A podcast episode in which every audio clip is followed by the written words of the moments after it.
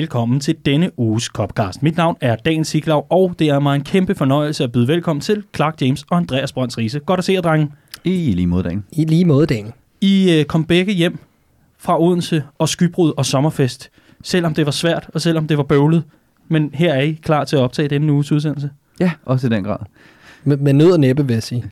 Ja, og, og, og øh, Riese, du havde lidt svært ved at, ved at komme hjem, måske mere svært end Clark og jeg, fordi du slæbte rundt på noget. Jamen, øh, jeg havde jo øh, skamløst taget en, en kasse øh, bøger med af, af den bog, som jeg har skrevet om Liverpool sidste sæson, og prøvet på at sælge den til Liverpool-fans, nu de var øh, samlet et sted alligevel. Og fulde. Ja, øh, det sidste hjalp helt del på købe øh, viljen og trangen, tror jeg. Men så bliver vi fanget i det her åndssvage skybrud på vej ned på stationen, hvilket fuldstændig opløser den der åndssvage papkasse, som jeg har de her øh, bøger i. Så, øh, så det måtte jeg slæbe øh, i min trøje ind i toget, og så i toget fandt jeg en masse af de der små plastikposer, der hænger under bordene som jeg proppede mig i. Jeg kan afsløre sådan en taxichauffør klokken halv fem om morgenen ved hovedbanen. Når han ser en drivvåd, meget skægget mand med seks plastikposer, så er han ikke så meget for at, at tage en med op og køre. Nej, okay, men øh, så, så lad man lige høre, hvor mange øh, mentale monstre i Europa, Europa kan der være i en DSB-skraldepose?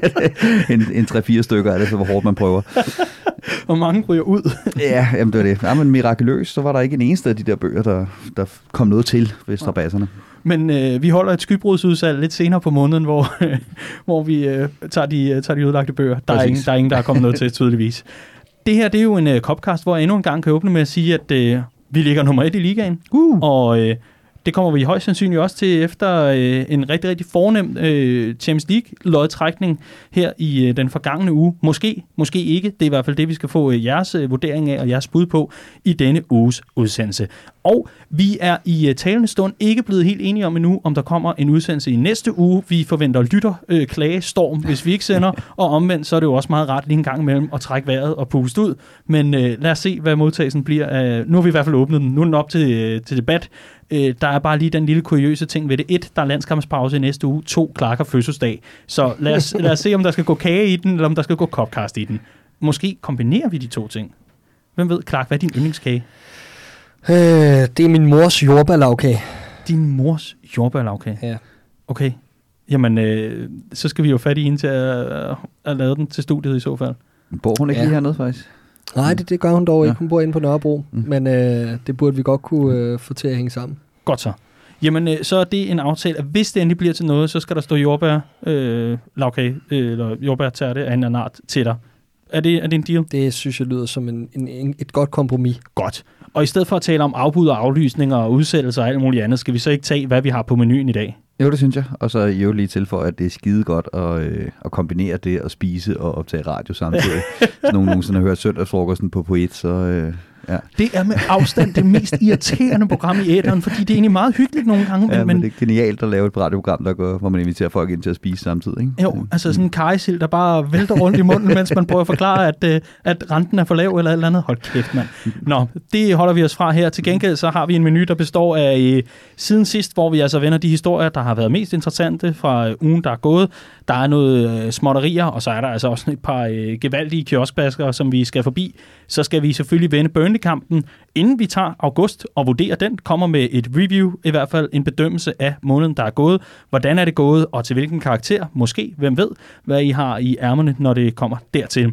Så skal vi videre til Champions League-lodtrækningen, hvor vi ser nærmere på vores nye gruppemodstandere, vores nye venner og fjender i gruppeland, når det kommer til Champions League. Bliver det store European Nights, eller bliver det bare en omgang Europa League Jam? Hvem ved? Så ser vi nærmere på september måned et preview, hvor vi øh, lige tager kampene, vurderer, puha, hvor lang tid skal den her sejrstime, vi nu er inde i, og den her klubrekord, vi er ved at bygge på, jamen hvor lang tid skal det blive ved, og hvad kan vi forvente os også i kopkampe, der ikke lige nødvendigvis er Champions League.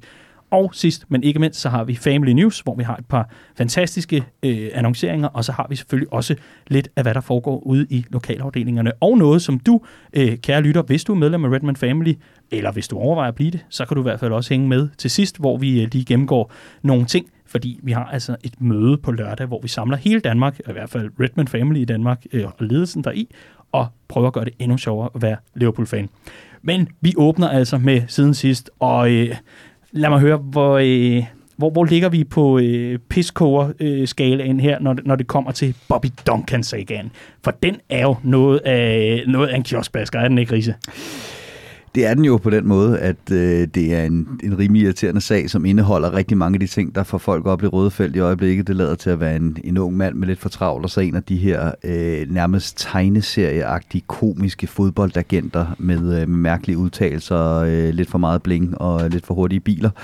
Øh, så på den måde, så, øh, så, så illustrerer den jo rigtig meget, hvad, øh, hvad rigtig mange synes er galt med øh, moderne fodbold, og derfor tror jeg også, den trækker lidt større overskrifter, end den egentlig nok burde, øh, taget i betragtning, hvor, hvor yderligt et mandat i, i Liverpool-truppen, det er, vi, vi i virkeligheden snakker om. Ikke?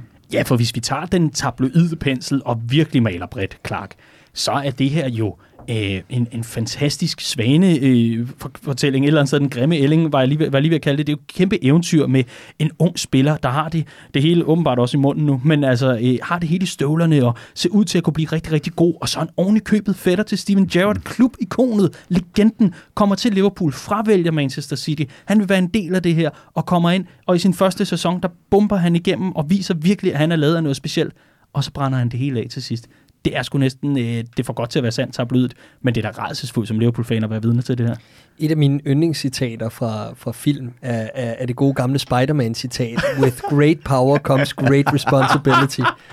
Og, og, og når du kommer ind, øh, og, og det her er det altså ikke onkel Ben fra, fra Spider-Man, vi har med at gøre, men, men når du kommer ind som, som Steven Gerrards fætter, med den omtale, der var omkring den her knægt sidste sommer, så, så vil det virkelig, virkelig klæde ham, især i, i situationer som dem her, at, at, at pakke det der ry væk og, og, og, og ligesom prøve at bygge sin egen karriere. Og, og det er også en del af det med at repræsentere sådan en knægt her, at det handler det om, hvis man gerne vil gøre det bedst muligt.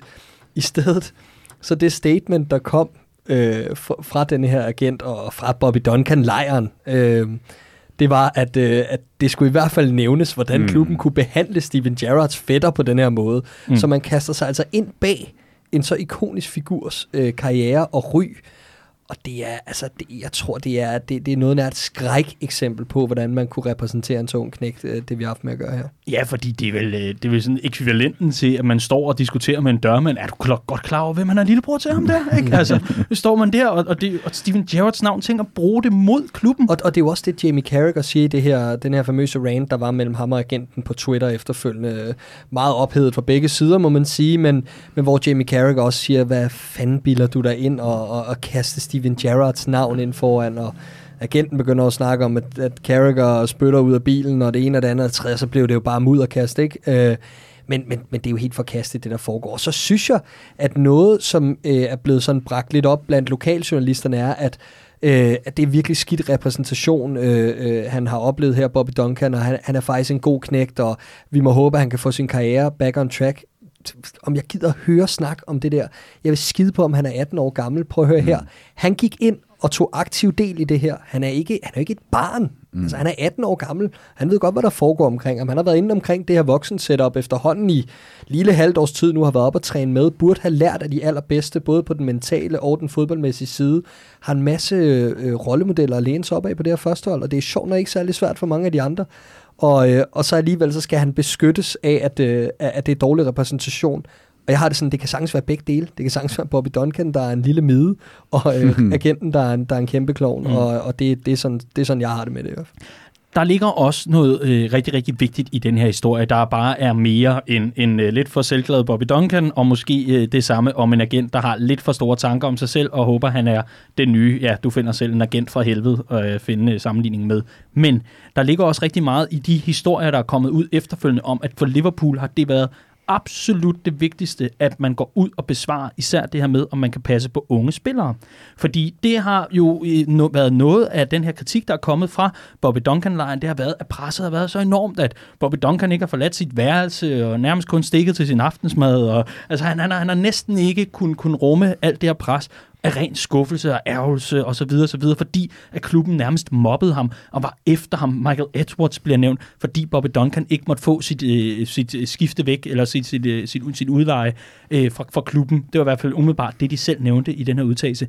Men Risa, der har klubben jo været ude og, og, og ligesom sige, at der er intet omkring det her med øh, den psykiske terror, de i hvert fald prøver at beskrive det som.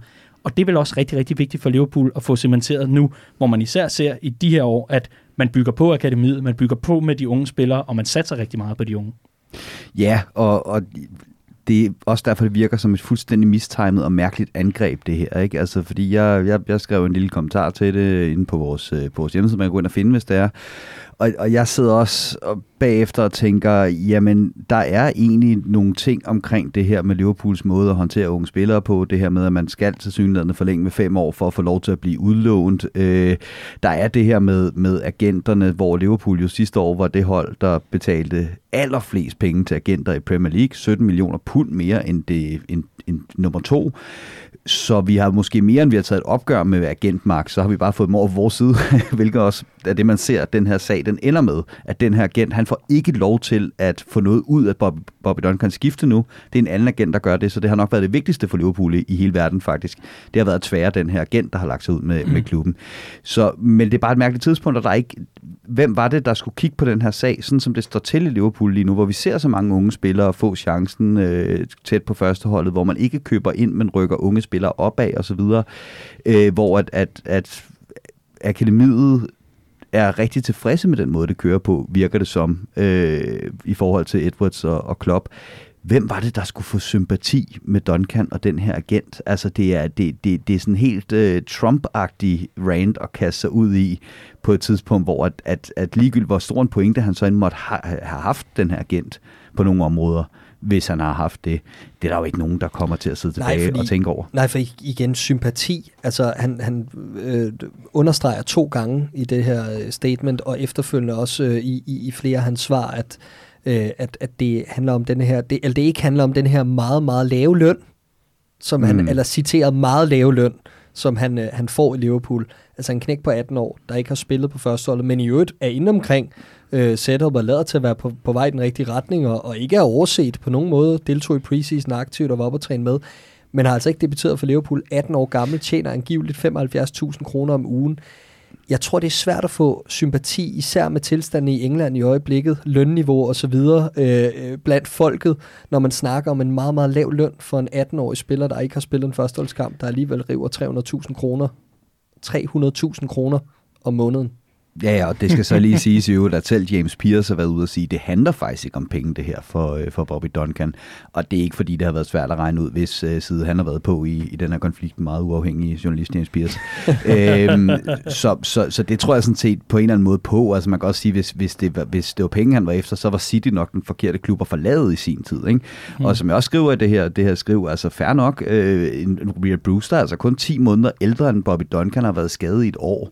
Bobby Duncan har scoret 40 øh, mål sidste sæson. På en eller anden måde kan man vel godt forstå, hvis, hvis han har stået og kigget på angribersituationen i Liverpool og tænkt, jeg har egentlig gode kort på, på hånden her, måske i forhold til et udlån, eller i forhold til at, at, at tage et skridt op af den her hierarkiet, øh, rangstige øh, øh hierarkiet i, øh, i angriber, øh, mm, rangstigen mm, mm. i Liverpool, whatever.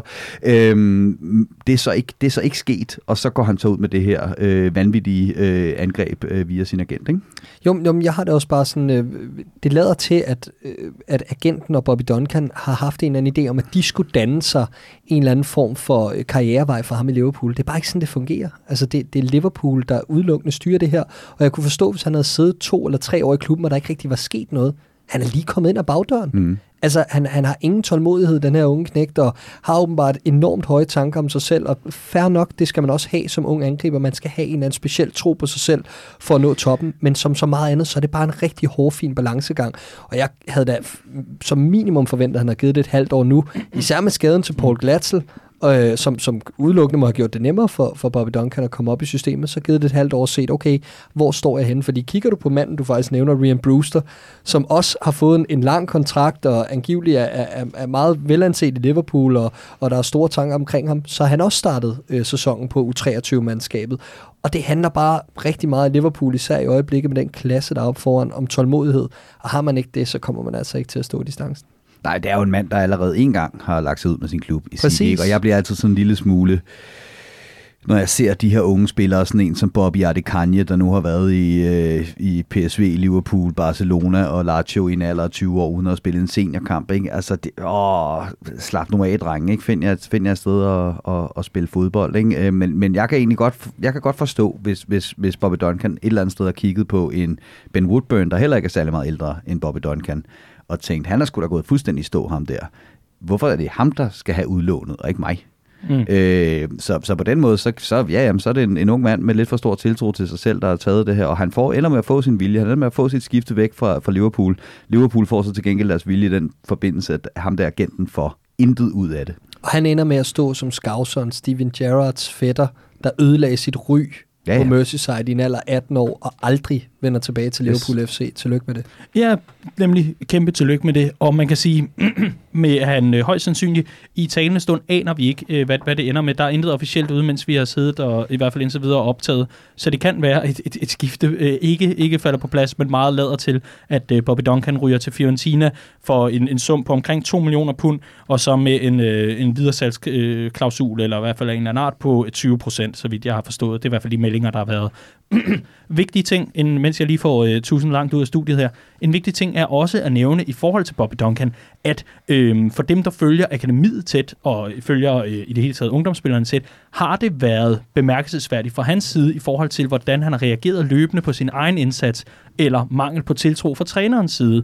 Altså, når han ikke er blevet valgt inde i en trup, så har han reageret på sociale medier med øh, skuffede emojis øh, og, og lignende. Ja, emojis er en ting, Riese, vi bliver nødt til at sige, det er en ny virkelighed øh, for spillere men også at han har været meget, meget tilfreds fremhævet sine egne præstationer altid, og man har holdt øje med fra akademiets side og fra trænerstabens side på akademiet, har man holdt øje med, at den her spiller er altså meget udadvendt i forhold til, hvordan det lige blæser i dag, og, og det er i det hele taget noget, man prøver at skærme de unge spillere fra, altså det der med, at lad nu være med at bruge sociale medier som jeres, øh, hvad kan man sige, talerør, brug det internt, øh, brug det til os, have dialogen her, fordi lige så snart I, I vælter det ud, så er det svært at kontrollere, og især for en klub som Liverpool, hvor vi vender hver en sten. Mm. Jamen især i en klub som Liverpool, som er blevet så stort et fællesskab nu. Altså, der er virkelig blevet gjort et opgør med hele denne her øh, kultur i klubben, øh, fra U16 til U18 til U23 op til førsteholdet.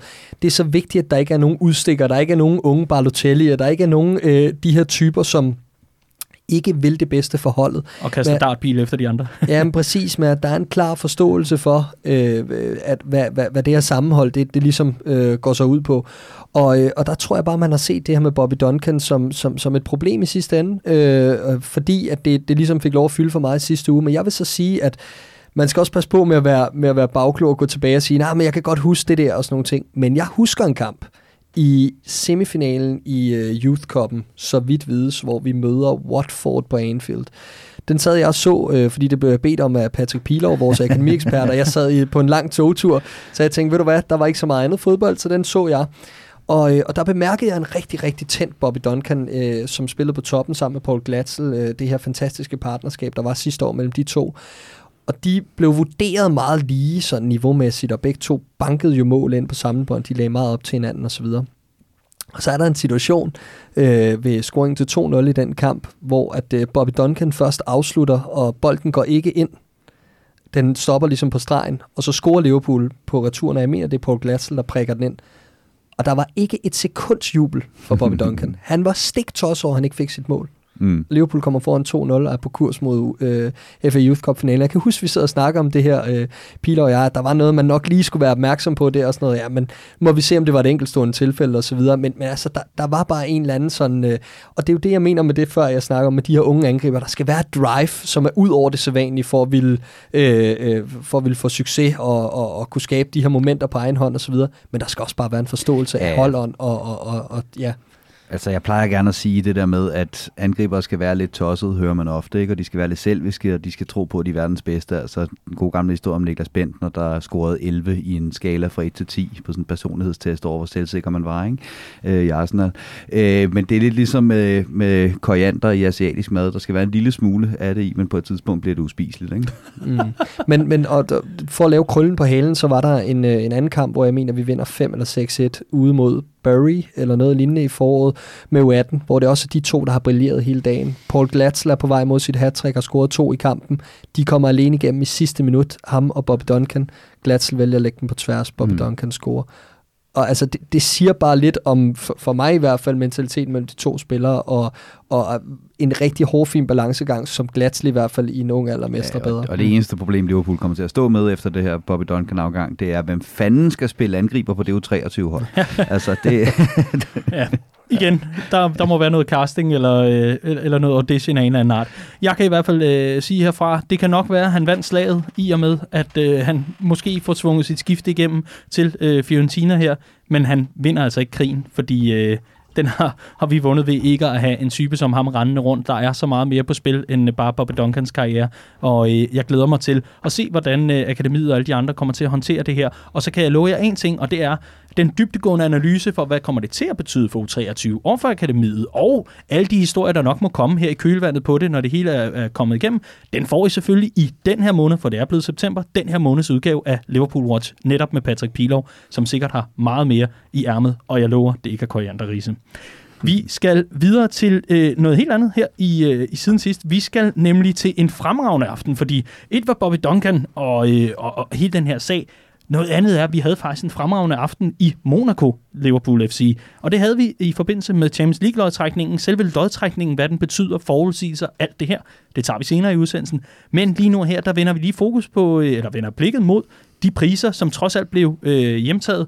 Først og fremmest, så kunne Alison Becker meget forsigtigt meget forsigtigt op ad trappen, gå op og hente sit trofæ for øh, UEFA's bedste målmand. Altså den bedste målmand, der har været i Champions League-turneringen her i den forgangne øh, sæson.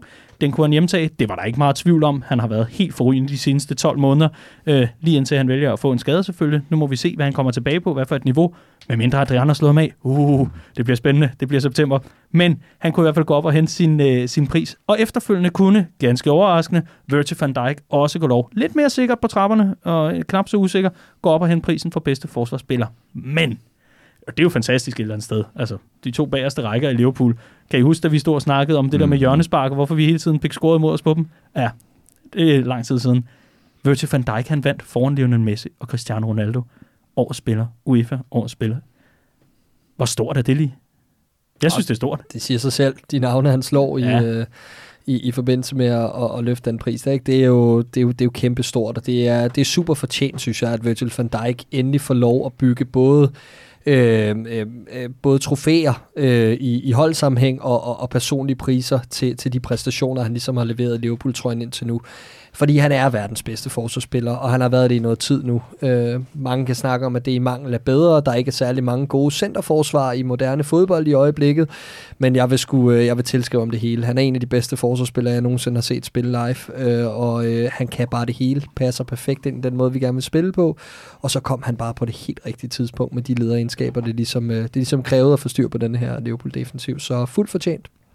Ja, altså hele den her, øh, øh, hvad kan man kalde det, session, eller, eller hvad der nu er i sådan et show her, hvor, hvor de skal til at uddele den, der vælger UEFA. De har dog øh, smidt harmonikaspillere og alt muligt andet ud af deres show. Der er ikke musikalske indslag og alt muligt øh, skitteras. Men der vælger den øh, kvindelige værtinde, øh, det er selvfølgelig altid øh, kvindemand, vælger at gå ned og interviewe øh, både på spansk og på engelsk Lionel Messi og Cristiano Ronaldo, og det bliver sådan lidt presselogen-agtigt, sådan lidt Mogensen og Christiansen, to gamle ronkedår, der sidder, nå, men jeg har egentlig også respekt for dig, og du har opnået nogle store ting. Og i mellemtiden sidder Virgil van Dijk yderst, på faktisk lige ud til gangen, mm. og sidder bare og kan vente på, at øh, de kan sidde og hygge igennem, og Ronaldo nævner, at vi, vi, vi, vi har stor respekt for hinanden, men vi har endnu ikke været ude at spise, og, og, og det kan nok komme en dag, og der bliver klappet og grinet lidt af det, og så husker hun, oh ja, der er jo også Virgil van Dijk, mm. og allerede der begynder jeg at få, åh oh, nej, nu er det endnu en omgang øh, verdens bedste, de to verdens bedste gennem, jeg ved ikke hvor mange år, og så har vi endelig en kandidat med, så bliver han bare smidt ud på et tidsspor. Men var det dog fint, at de vinder deres aftenshowet moment, og Virgil så hjemtager prisen. Ja, fuldstændig. Og, og som vi har snakket om i det her program også før, så det jeg egentlig lægger mest i det her, det er, at vi har haft en periode nu her, som du siger, med, med to verdens bedste fodboldspillere, og måske de to bedste fodboldspillere, der har været aktive i al den tid, jeg har set fodbold. Øh, altså Messi og Ronaldo, som bare i, i, i over 10 år nu har været i på et niveau for sig selv. Ikke? Men de er på vej for nedadgående. Det er øh, ved at være sidste vers for dem, og hvem skal så tage over som de nye verdens bedste fodboldspillere? Og der står øh, fremtiden altså bare åben for, øh, for, for Liverpool, og det er det niveau, vi er på nu. Det er der, hvor at når de her to er væk, jamen så snakker man om øh, Virgil van Dijk, og sikkert også snart om en for eksempel Mohamed Salah, som, som altså værende blandt verdens absolut top bedste fodboldspillere øh, af den nye generation, der kommer nu. Ikke? Mm.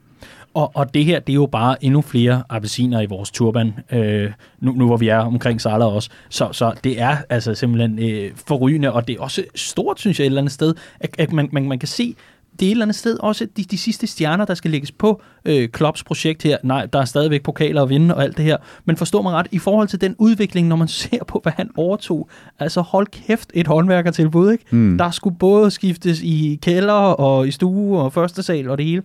Og her står han tilbage med, jamen altså, få år efter, synes jeg jo trods alt det er, der er alligevel gået på år, står han altså tilbage og har nu redefineret Liverpool og sendt det tilbage til øh, det, den pedestal, som mange ældre fans, der altså godt kan huske fra øh, fodbold fra før det var Premier League, synes Liverpool hører til. Ja, men jeg har, jeg hører den stadigvæk, når jeg snakker med folk, der ikke er Liverpool-fans, som siger, det er godt nok imponerende, det her klopper gang i, for hvis man tager holdet spiller for spiller, så er det jo ikke imponerende. Det, det, det, det, det er bare, en, jeg, jeg er ikke der længere. Altså, jeg synes virkelig, vi har et hold af øh, indtil flere deciderede verdensklassespillere, og det er jo også det her, øh, at det her, det, det, det er et tegn på. Ikke? Altså, vi har i hvert fald en, øh, en, en 5, 6, 7 spillere, som vil gå ind på et hvert hold i verden og være, være blandt de bedste på, øh, mm. på et hvert hold i verden. Ja, og, og det vilde er, at man sidder stadigvæk tilbage med følelsen af, og der er mere. Mm. Uh, der, der er more mm. to come. Mm. Altså, uh, vi, vi har jo slet ikke set Nabi Keita være alt det, som han blev beskrevet som øh, i forhold til prisen. Altså, vi kender jo alle sammen potentialet, fordi det er blevet beskrevet for os øh, så langt hen ad vejen. Vi har alle sammen set, hvis ikke kampene, så i hvert fald highlights fra Bundesligaen, ved, hvad der ligger. Ved bare, at med, ind, inde i Klopps øh, diamantfabrik, hvor han øh, ellers presser kul, jamen der kan han få de vildeste diamanter ud. Så jeg synes jo stadigvæk, der er mere at komme efter. Joe Gomez byggede rigtig meget på sidste år. Men tænk, hvad han ikke kan bygge på, hvis han begynder at få noget steady spilletid på et tidspunkt. Det er ikke en Matip-diskussion, det her. Mm. Det er ikke en Matip-diskussion. Men I ved, hvor jeg vil hen. Jeg synes et eller andet sted, det er altså lige præcis øh, momenter som de her, som øh, det sidste uge, sammenholdt med en ny klubrekord for øh, fleste sejre i træk i ligasammenhæng, osv. osv. Det er dem, man skal huske på, fordi en eller anden dag, så kommer Klopp altså og siger, det var det. Nu overlader jeg altså trygt roret mm. til nogle andre. Så øh, husk, ja, husk nu for fanden at have det med i aftenbønden og, og med i drømmene og alt muligt andet. Det er med en store sager, det her. Jeg blev i hvert fald helt glad ned i mausen over det. Et var gruppelodtrækningen, den kommer vi til. Men øh, at se Virgil van Dijk i sit stiveste pus, efterlade de to øh, statister i aftenshowet dernede, det var altså i særklasse noget af det bedste meget, meget længe. Og ja, vi er pisse subjektive. Så øh, altså, det er bare lækkert. Jeg vil sige, det bedste var at se dem i hovedet, at Cantona skulle holde sin tale, øh, hvor han var inde på øh, medicinske fremskridt og, øh, og verdenskrig. Øh, og se, øh, jeg tror det var Pavel Netved, øh, som er en elgammel, altså en af mine yndlingsspillere ja. øh, nogensinde. Han grinede, resten af salen sad dybt forundret og anede ikke, hvad fanden der foregik. Men det, det var nemlig sådan lidt gala, og, og lige pludselig er der en vinbonde, der kommer til at åbne døren til studiet og bare gået hen, ikke? Altså, hvad foregår der? Det var fantastisk. Det var virkelig under et moment. Ja. Jamen, det, det, det havde sådan lidt, øh, forstå mig ret, Jaja Hassansk over det, ikke? Det der med, at, er det galskab, eller er det kunst, eller hvad foregår der? Det, øh, ja. ja Erik Men jeg synes, han reddede den godt med at få det til at handle om fodbold, ved bare til sidst at råbe, I love football. øhm, ja. Så var det ligesom ikke mærkeligt længere. Nej, men, men den, der, den, den der fyr, som man, man i hvert fald, i hvert fald som øh, meget, meget ung fodboldfan lærte at kende sådan primært for øh, et Kung Fu Spark, man hentede på LimeWire, ikke, som øh, videofil, og, og, og, og så øh, for Yoga Bonito-reklamerne, mm. der lige pludselig står og snakker om medicinske fremskridt. Nå, jamen altså, apropos medicinske fremskridt, det er jo derfor, at der er sådan et ikon på salpetersyren op i fysiklokalet, hvor de siger, don't drink, ikke? Altså, det er... Ja. Det er faktisk, og hvis man kigger efter, så er de der dødningehoved, det er faktisk kantonær. Ja, præcis. Så. Don't, don't, don't. Men øh, det kan være, det, det, det, er jo, det er jo der, hvor den her uddeling, eller i hvert fald lodtrækningen, den, den, øh, den skuffer sgu aldrig. Mm. Og der er altid et twerk moment, eller et Cantona moment. Jeg glæder mig så meget til 2020, hvor, øh, hvor vi altså skal se, hvad øh, UEFA Champions League Super League øh, lodtrækningen den ender med, og uh, alt det andet her. Og så skal vi lige sige på en kort note, inden vi lukker ned for siden sidst og ser mod Turf Moor med glæde. Det er ikke ofte, man gør det, men med glæde. Jamen, øh, så kan vi sige, at transfervinduet rundt omkring i hele Europa er ved at lukke så småt. Der sidder mange og livestreamer rundt omkring, kan jeg se mange, der laver transfer-shows. Det er vi heldigvis langt forbi, Riese, er vi ikke? Øh, jo. Jo, og det er også blevet til at være her i studiet sådan, uh, temperaturmæssigt, så det hopper vi let og elegant over. Vi lover, at lige så snart at vi er klar med Copcast, om det er i næste uge eller om uh, to ugers tid, så tager vi lige og vender den. Og uh, især i forhold til uh, de skifter, som har været uh, for de yngre spillere, så tager uh, Pat- Patrick Pilov og jeg og, og gennemgår dem i Liverpool Watch for september. det var det for siden sidst. Nu vender vi blikket mod Turfmore. Nu laver vi lige en øh, Shiv 413, Andreas. Mm-hmm. Fordi at, øh, du er den ældste her i lokalet, så du ved godt, hvad jeg taler om. Og jeg, jeg kan lige præcis huske det fra, jeg hørte, en gang mellem hørte det i radioen, da jeg var helt lille. Vi sender en tak for en dejlig fest til vores venner i Odense. Det gør vi. Hold op en sommerfest, der blev holdt for, øh, for Liverpool-fans i Odense, da Liverpool Fanclub Odense altså åbnede med pattegris og fri bar, og hvad har vi ellers? Hold nu op. Ja. Dejlig fest. Der blev samlet ind i øh, formand Kasper Ryberg Sports BH, og øh, vi vil alle sammen gerne høre You all want a single say fuck that with corn. Nej, øh, det var i den grad en, øh, en fantastisk fest, øh, som, øh, som, som jeg ved, at vi i dag er nogen, der stadigvæk øh, mærker efterværende af. Ikke klart? jo, altså du sagde, Andreas var ældst. Det øh, har jeg været i tvivl om hele dagen. Hold nu magle, mand. Oh. Nå, skal vi tilbage til det, det handler om? Ja, lad os det. Og kampen mod Burnley for pokker rise, fordi et var indsamlingen, der var et højdepunkt, men det var Bobby Firmino også. Ja. En let og elegant overgang. Bobby Firmino. Jeg synes, han er verdens bedste, men jeg ved ikke, hvad han er verdens bedste til. Kan du ikke lige prøve at gøre mig klogere? Øh, jo, jeg har det øh, jeg har langt hen vejen på samme måde. Øh, det, er jo ikke, det er jo ikke som sådan noget nyt. Altså, vi har jo snakket om det i, øh, i, i nogle sæsoner efterhånden, at det er ham, der er bindeledet på det her øh, Liverpool-hold. Og især med vores midtbane, der, der, der stadigvæk et eller andet sted mangler det naturlige bindeled mellem, øh, mellem midtbane og, og angreb. Men der er Firmino bare fuldstændig vanvittig. Ikke? Øh, og så synes jeg, han har bygget det her på, at han er blevet mere øh, sulten selv. Altså, han har tidligere nærmest været for uselvisk. Det er jo det her, hans helt store øh, force, det er hans, hans evne til at sætte de andre op, arbejde i hold tjeneste. Øh, men jeg synes, han er blevet bedre til at tage de valg. Altså, vi ser det, det mål, han sparker ind nu her øh, i den her kamp. Vi ser også, at han prøver med et, øh, et saksespark i feltet. Ikke? Øh, jeg så ham sammenlignet i dag sådan med, med Ronaldinho, bare med en del mere arbejdsmoral, og det kan jeg et eller andet sted godt, øh, godt Ja. følge. Den er da fed, den sammenligning. Mm. Det, det kan jeg sgu godt lide. Fordi det, der er meget det samme, synes, altså forstå mig ret, det, det er to forskellige spillere, ja, men jeg synes, der er meget det samme, Clark. Der er meget den der, øh, oh, nu får Bobby bolden, man ved aldrig, hvad der kan ske. Øh, der, der er den der øh, ekstra klasse. Øh, Han, elsker, han elsker at spille fodbold, ikke? Ja. Jo, så langt vil jeg gå med, Mm. mm. og der stopper sammenligningen også for Nej, mig. okay, der er noget med tænderne. Ja, okay. jo, okay. Ja. Og Ronaldinhos var offside, hans er bare hvide, ikke? Jo, jo. til tider står mærkelige valg hos frisørerne også, ikke? Men øh, ja. Jo, jo, jo, jo, fair nok.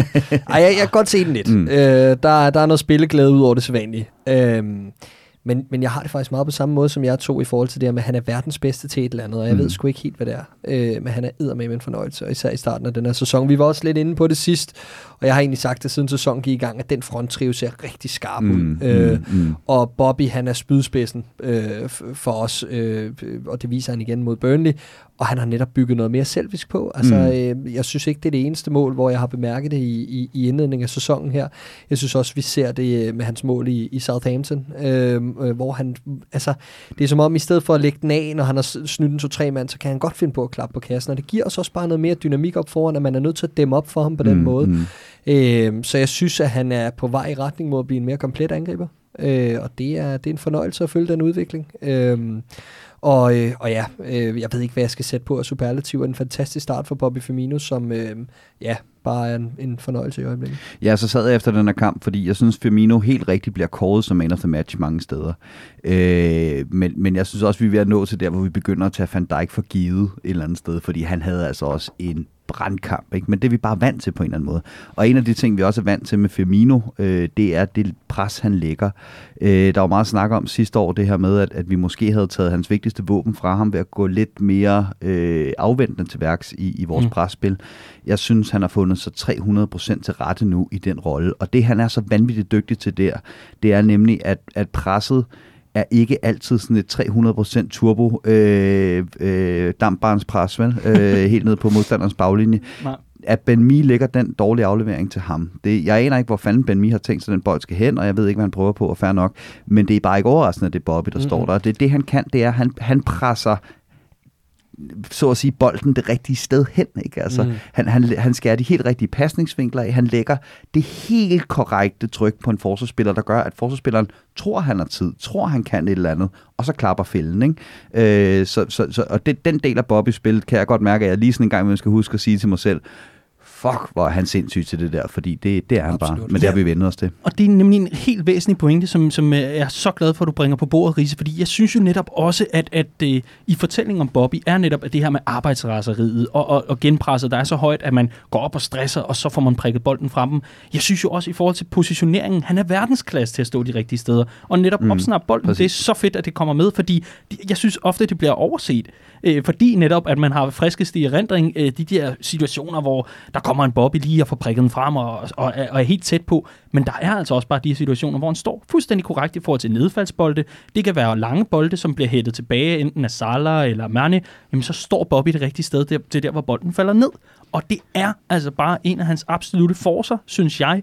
Det, det er sgu lidt ligesom, øh, forstå mig ret, og som, som at have en, en rigtig stor angriber, der, der kan tage imod med ryggen til målet. Han kan bare tage imod, uanset hvordan han står, og man er på, på, på et ben. Altså, han, han kan alt i forhold til det der. Og en af grundene, jeg fremhæver det i forhold til den her kamp også, det er, at jeg synes, vi ser i den her kamp, øh, at, at vi, vi er overraskende lidt interesserede i at have bolden. Forstået på den måde, vi ender selvfølgelig stadig med plus 60% boldbesiddelse, for det er Burnley, øh, vi spiller imod. Men vi snakkede i øh, optakten til den her kamp, om Liverpool ville ændre tilgangen, øh, eller om vi ville fortsætte med at spille på egen præmisser. Og langt ad vejen fortsat, fortsatte vi selvfølgelig med det, vi er gode til. Men jeg synes, jeg lagde mærke til, at vi levede rigtig meget på anden bolde. Mm. At vi rigtig ofte mm. sagde til Burnley, jamen så tag i bolden, og når I så banker den lang, så får I den bare direkte i hovedet igen, og mm. så tager vi anden bolden, og så skal vi nok lægge pres på jer.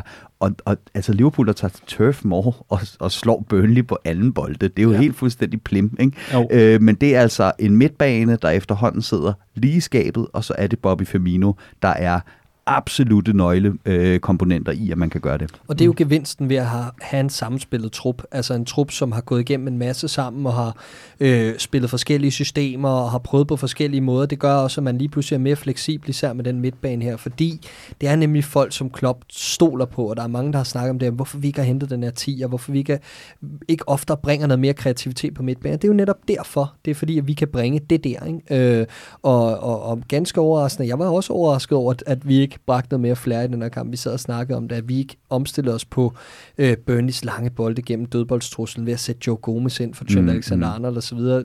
Vi, vi kunne nærmest ikke have ramt det taktiske oplæg mere forkert, fordi vi fortsat bare, som om ja. vi spillede hjemme. Ikke? Og, og det, var, det var igen en fornøjelse og, og ganske overraskende, vil jeg sige, at, at, at vi har fået det mod til bare at spille vores eget spil på, øh, på, på svære udbaner som dem her. Mm. Ja, og, og, og så har jeg tjekket statistikkerne efter kampen igennem. Ikke? Altså, Van Dijk har 11 clearinger i den her kamp, men det er gode clearinger. Det er clearinger, der, hvor den ryger direkte tilbage i fjeset på Burnley, og så sætter vi dem under pres. Ikke? Men det siger også lidt om, at, at vi, vi var sådan set forberedt på, at, at de ville komme på den måde, som Burnley nu engang kommer på. Ikke? Og vi sad inden kampen og snakkede om det her med, hvad gør vi? Og jeg siger, jamen vores midterforsvar skal kunne matche nu det her øh, spil, som Burnley kommer med. Ikke?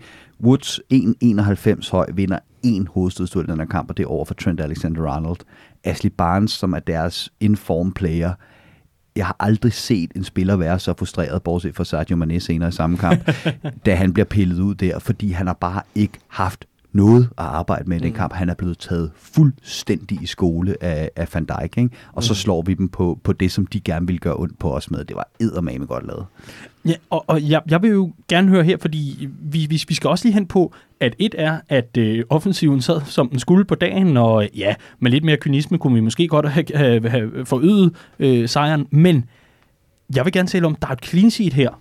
Det er jo sæsonens første, øh, og, og det kan jo også noget et eller andet sted, når vi skal tale om de her ting. Men, men synes du, at det var kontrolleret hele vejen igennem, eller så du øjeblikke, hvor du tænkte, det der, det skal der måske justeres lidt på? For jeg har Matip lidt i kigger den på et par situationer. Det kan jeg måske godt øh, følge lidt, men, ja. men nej, sådan helt grundlæggende, så, øh, så sad jeg egentlig hele vejen igennem den her kamp, og mm. var, øh, var rimelig øh, sikker på, at den skulle vi nok køre hjem, og også med clean sheet. Ja, og, og ret, ret beset, så taler Jürgen Klopp også om det, det nævnte vi i sidste uges udsendelse, at, øh, at den, øh, den scoring, som Arsenal kommer til i vores kamp mod dem, den kommer jo lidt efter noget klumpspil, hvor det er alle mod alle, og øh, ja, den bliver ikke, den bliver ikke clearet, så, så lige pludselig så, så ligger den altså inde i målet, ellers har der været fint, fint styr på den. Men første clean sheet, Clark. Og jeg ved jo, at, øh, at du er jo forholdsvis glad for øh, Adrian i den her kamp også. Ja, altså jeg, jeg vil sige tak til ham for det clean sheet, fordi nok så meget ros, som Virgil van Dijk skal have i hele kampen, så laver han en kæmpe brøler til sidst øh, i en løbduel med Jay Rodriguez, undervurderer ham fuldstændig, ja, jeg tænker, rigtigt. han har løbet ham ned. og så kommer han altså ind til sit gode ben, helt fri for mål, og, og afslutter bare Adrian, der redder. Han har også en god redning i starten af kampen. Jeg synes, at det er netop det her, man kan forvente på udebane. Det er, at ens keeper er klar, når det gælder, i de mm. få momenter, hvor, at, øh, hvor det bliver farligt.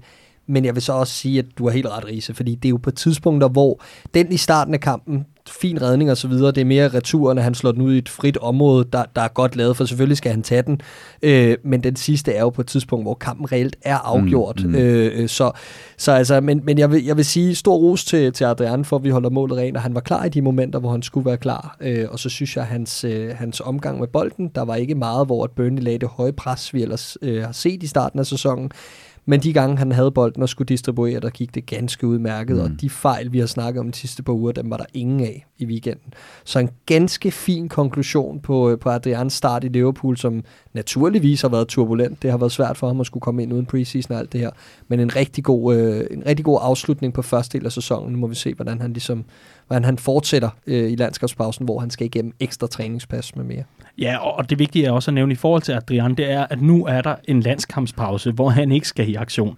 Så han bliver netop øh, i Liverpool og på Melwood øh, omegn, og får netop trænet de sidste ting på plads, får god tid til lige at restituere selvfølgelig. Der har været meget mere smæk på, han, han nødvendigvis har været vant til, i forhold til, at det, der er meget opmærksomhed, og der er mange ting, som, øh, altså, hvad hvert et hvad det skridt, du tager som Liverpool-spiller, bliver altså nøje vurderet og, og udlagt, også i en dansk podcast, ikke? Så øh, det, det, det mentale pres for os her i, øh, i, i Danmark, skal han selvfølgelig også lige deal med spøj til side. Han kommer til at skulle bygge det sidste på, så han kan tage det sidste run, inden vi måske, måske ikke, øh, får Alisson Becker se, øh, senere her i september måned. Øh, på den måde, jeg skal ikke analysere ud fra James League-trækningen, men i forhold til de meldinger, der er, så kan vi måske nok godt regne med, at det bliver slutningen af september, eller i hvert fald i oktober, før Alisson Becker er tilbage øh, for alvor mellem stængerne.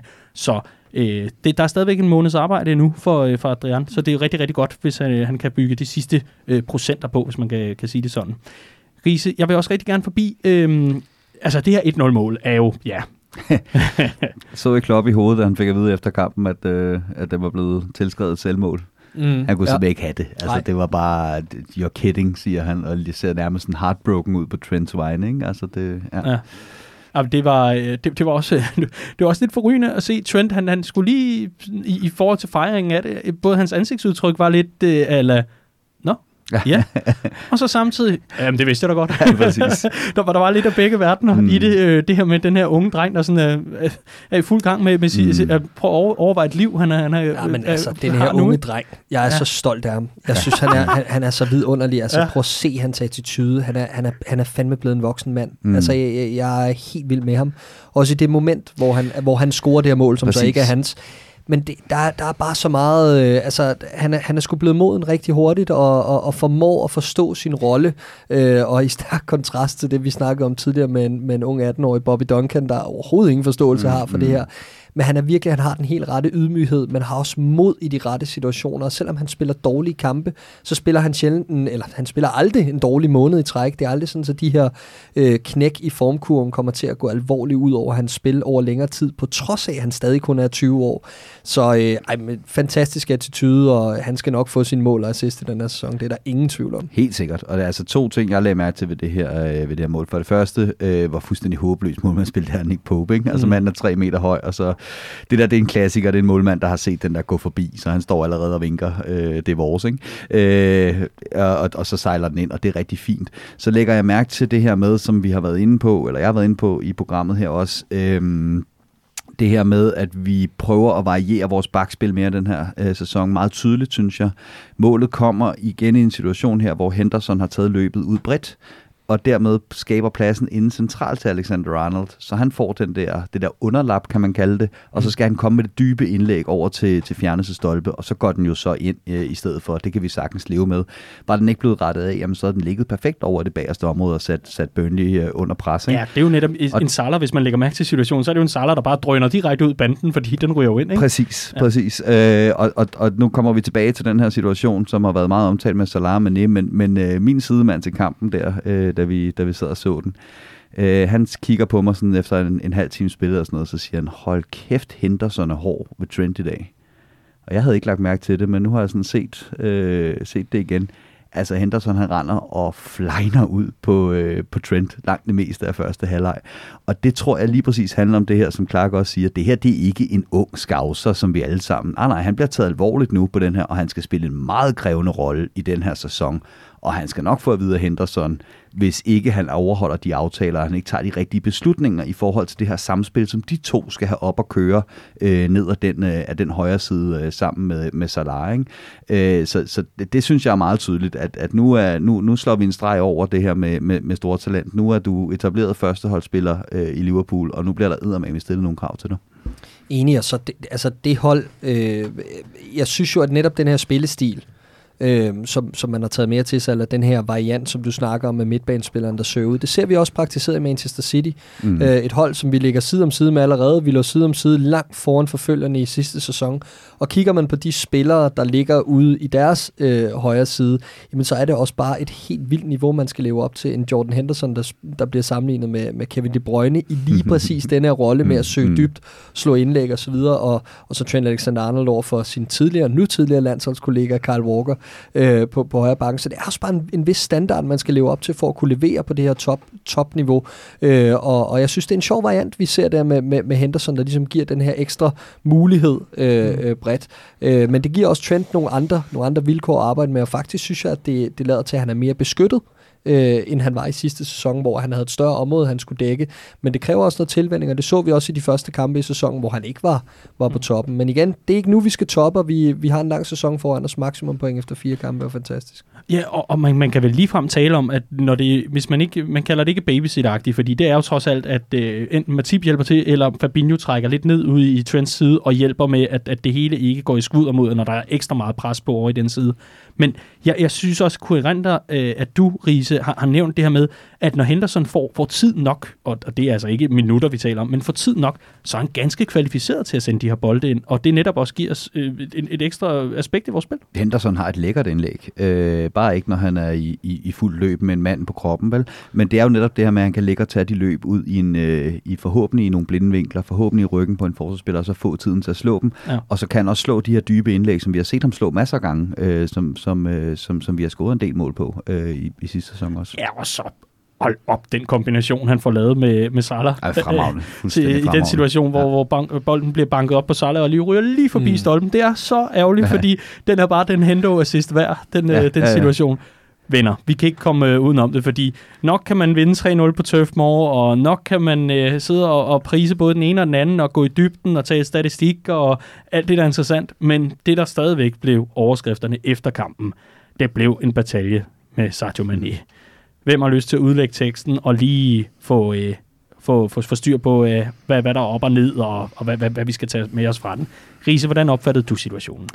Jeg opfattede situationen på øh, den måde, at øh, Salah har et par situationer i den her kamp. Han har også en, hvor han har muligheden for at spille øh, Firmino fuldstændig blank, øh, hvor han vælger at søge øh, afslutningen selv. Og det er blevet påpeget diverse steder nu her, at i øh, sidste uge, der var det Mané, der fik et skrald øh, af, øh, af Henderson, hvor Henderson ligesom synes, han tog for let på det, og ikke gjorde tingene færdigt. Og da Mané så ikke får bolden af Salah til aller, aller sidst ved stillingen 3-0, og han så bliver skiftet ud, så bliver han rigtig sur. Ikke over udskiftningen, tror jeg, men, men over, at, at hvis, hvis, hvis han skal have skæld ud for ikke at gøre tingene ordentligt, så skal Salah fandme også, når han ikke gør det, ikke? Mm.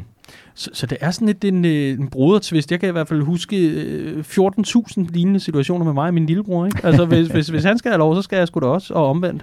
Øh, men, men, øh, det, det, men, men, men, men ikke andet, Clark, i de her situationer, der bliver spurgt, er Salah lidt for selvisk? Og det har altså været en ting i den her sæson.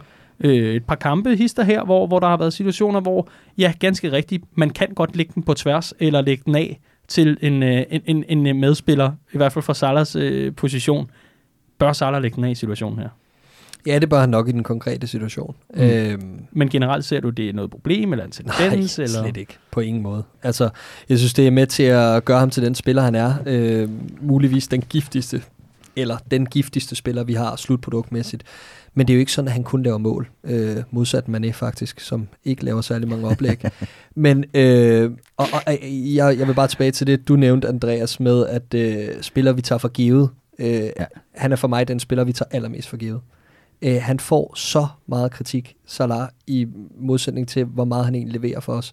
Det er så sjældent, at han bliver fremhævet som kampspiller og alt muligt andet, fordi at han er sådan en type, hvor han kommer frem til så meget, så han vil altid være den, man kigger på og tænker, ah, hvis han ikke missede de to chancer, så havde han lavet fem mål i stedet for tre, eller så havde han lavet tre assist i stedet for en, eller whatever. Altså, og, og, og der synes jeg bare, at den her kamp var et perfekt eksempel, fordi han var fantastisk igen. Og jeg synes, han kommer frem til så meget. Du nævner situationen med Henderson. Han spiller Gini Wijnaldum helt fri til sidst med en øh, pasning, vi kun kunne drømme om for en af de bedste tiger i verden. Han har et skud på stolpen i starten, og, øh, og lægger altså den her assist. Selvfølgelig var det ikke øh, med, med fuldt overlæg, at han havde set Bobby Firmino med en kig væk, et kig væk træk på kanten af feltet, men han var en assist på, på hans mål også. Mm. Og han er bare så kreativ og så effektiv i at skabe chancer øh, og skabe farlige situationer og komme frem til dem. Han har helt sikkert noget at arbejde på, ligesom Mané også har. Mm. Ligesom Firmino er ved i øjeblikket at vokse enormt meget i, i hans målscorende del af spillet, så har Salah helt sikkert også nogle andre ting. Men jeg vil sige, at han er den farligste af vores spillere i fronttriven, og jeg er på ingen måde bekymret for, at han ikke besidder øh, de rette holdåndsmæssige øh, kvaliteter øh, for at indgå i det her. Altså jeg synes, der er ved at ske lidt det med den her, øh, og det kan godt være, fordi jeg er for meget på Twitter, men at der bliver analyseret utroligt meget på et meget spinkelt datagrundlag. Ikke? Øh, sådan som jeg ser det her, så er det egentlig bare en situation, hvor Salah tager nogle dårlige beslutninger, og det gør han. Mm. Og jeg skal love for, at jeg også var træt af det. Altså jeg var, jeg var oppe og stå et par gange i løbet af den her kamp og råber Salah, for jeg synes ikke, det var godt nok. Jeg synes, det var for dårligt ikke at sætte Firmino i dybden. Jeg synes, det var for ringe, at han ikke fik øh, spillet Mané der til sidst. Det er, hvad det er. Det er en kamp, hvor Salah han er for selvisk eller ikke rammer tændingsniveauet, tager nogle dårlige beslutninger i hvert fald. Det fik han højt og tydeligt at vide af mig, og det gjorde han så også af en medspiller. Jeg kan gå lidt med så langt, at jeg faktisk synes, det er positivt, det der med, at, at der ikke er nogen på det her hold, der er for store til at få et møgfald af medspillerne, mm. hvis, hvis, hvis man er trætte øh, af dem. Så langt er jeg med. Men nu bliver der spekuleret i alt muligt i, at det er de to, der sådan kan tænde hinanden til at blive endnu bedre, og det er noget med topscoreprisen, og, øh, og, og, og som du også lidt er inde på, Clark, dermed, jamen, det er også det, der er med til at gøre Salah til det, han er. Det er han også en gang imellem er lidt selvisk, og det skal rigtig angriber være, så videre. Ikke? Øh, og i den anden ende, der har du så det her med, at, øh, at det er udtryk for, at der er splid internt på holdet, og det er rigtig negativt osv. Jeg har det lidt sådan, det er en enkeltstående kamp, mm. hvor Salah har været en kæmpe klovn i et par situationer. Det får han at vide af en medspiller. Fair nok. Altså, det, det, det er, hvad jeg kan læse ud af det her øh, indtil videre. Kom ikke noget voldsomt positivt, ikke noget voldsomt negativt, øh, sådan på, på det større billede, en eller anden tendens, det skulle være et, et udtryk for. Helt enig, og så vil jeg sige, i forhold til Sadio Mane har haft så mange af de her situationer ja, ja. i for, for lidt under et år siden, da oh, han var ja. i, igennem denne her, øh, denne her modvind, hvor at han kunne ikke rigtig få det til at spille, og slutproduktet var der ikke rigtigt. Der tog han også nogle dumme beslutninger, mm. hver gang han var alene igennem, så var det altid selv, vi skulle mm. være altid med øje for, at han selv kunne komme på tavlen. Og det er fordi, det er en periode, hvor det ikke lige kører for en offensiv spiller, der rigtig gerne vil på tavlen, og det, det hiver jeg heller ikke noget øh, yderligere Nej, ud af. præcis. Og så spørgsmålet også, om man ikke også, det sidder, har jeg i hvert fald tænkt over, man kan også, synes jeg, med en vis rette kritisere man ikke for at overreagere her især situationen taget i betragtning, fordi som vi lige snakkede om, altså Henderson har gået og skrevet af, af, af Trent hele første halvleg. Det er der ikke nogen, der lægger mærke til, for når det sker på banen, mm. så, så, det, så er det en del af kampens hede. Det her sker i forbindelse med en udskiftning. Han ved fandme godt, at, at det her vil være det, der bliver snakket om efter kampen. Jeg ville ønske, at han havde taget den ned i, i omklædningsrummet alene, så vi kunne have undgået det her cirkus, der er omkring den her situation det tror jeg også, lige nu. Han selv ville det tror jeg nemlig også selv, han ville efterfølgende. Øh, så, så, så det er ligesom det, det, jeg kan tage med her. Ikke? Altså Salah, han er for egoistisk, og Mané, han overreagerer.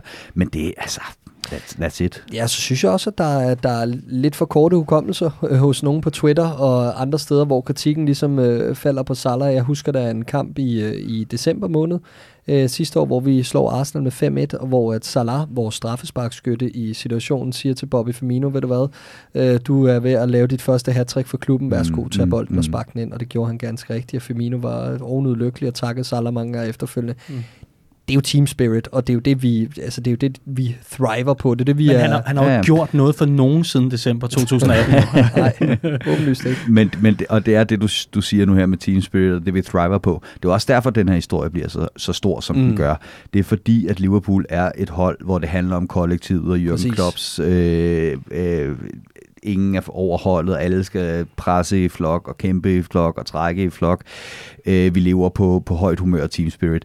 Derfor bliver den her historie også Klart. så kæmpestor, fordi at man, man, nogen vil læse så meget ind i det, som at det er ved at slå revner, ikke? og det, det synes jeg bare er at overreagere fuldstændig på en, på en i virkeligheden ret banal situation. Og så ligger den der altså også bare til en samlet presse, der har travlt med at finde sprækker i et fundament, der er super sundt, og som har det rigtig godt efter en gennemgribende renovering i det her, øh, hvad kan man kalde det, jo, håndværkertilbud, som jeg nævnte tidligere. Så når, når man endelig køber verdens dyreste og også bedste forsvarsspiller, vil jeg mene, jamen, så er det jo målmanden, der er gal med.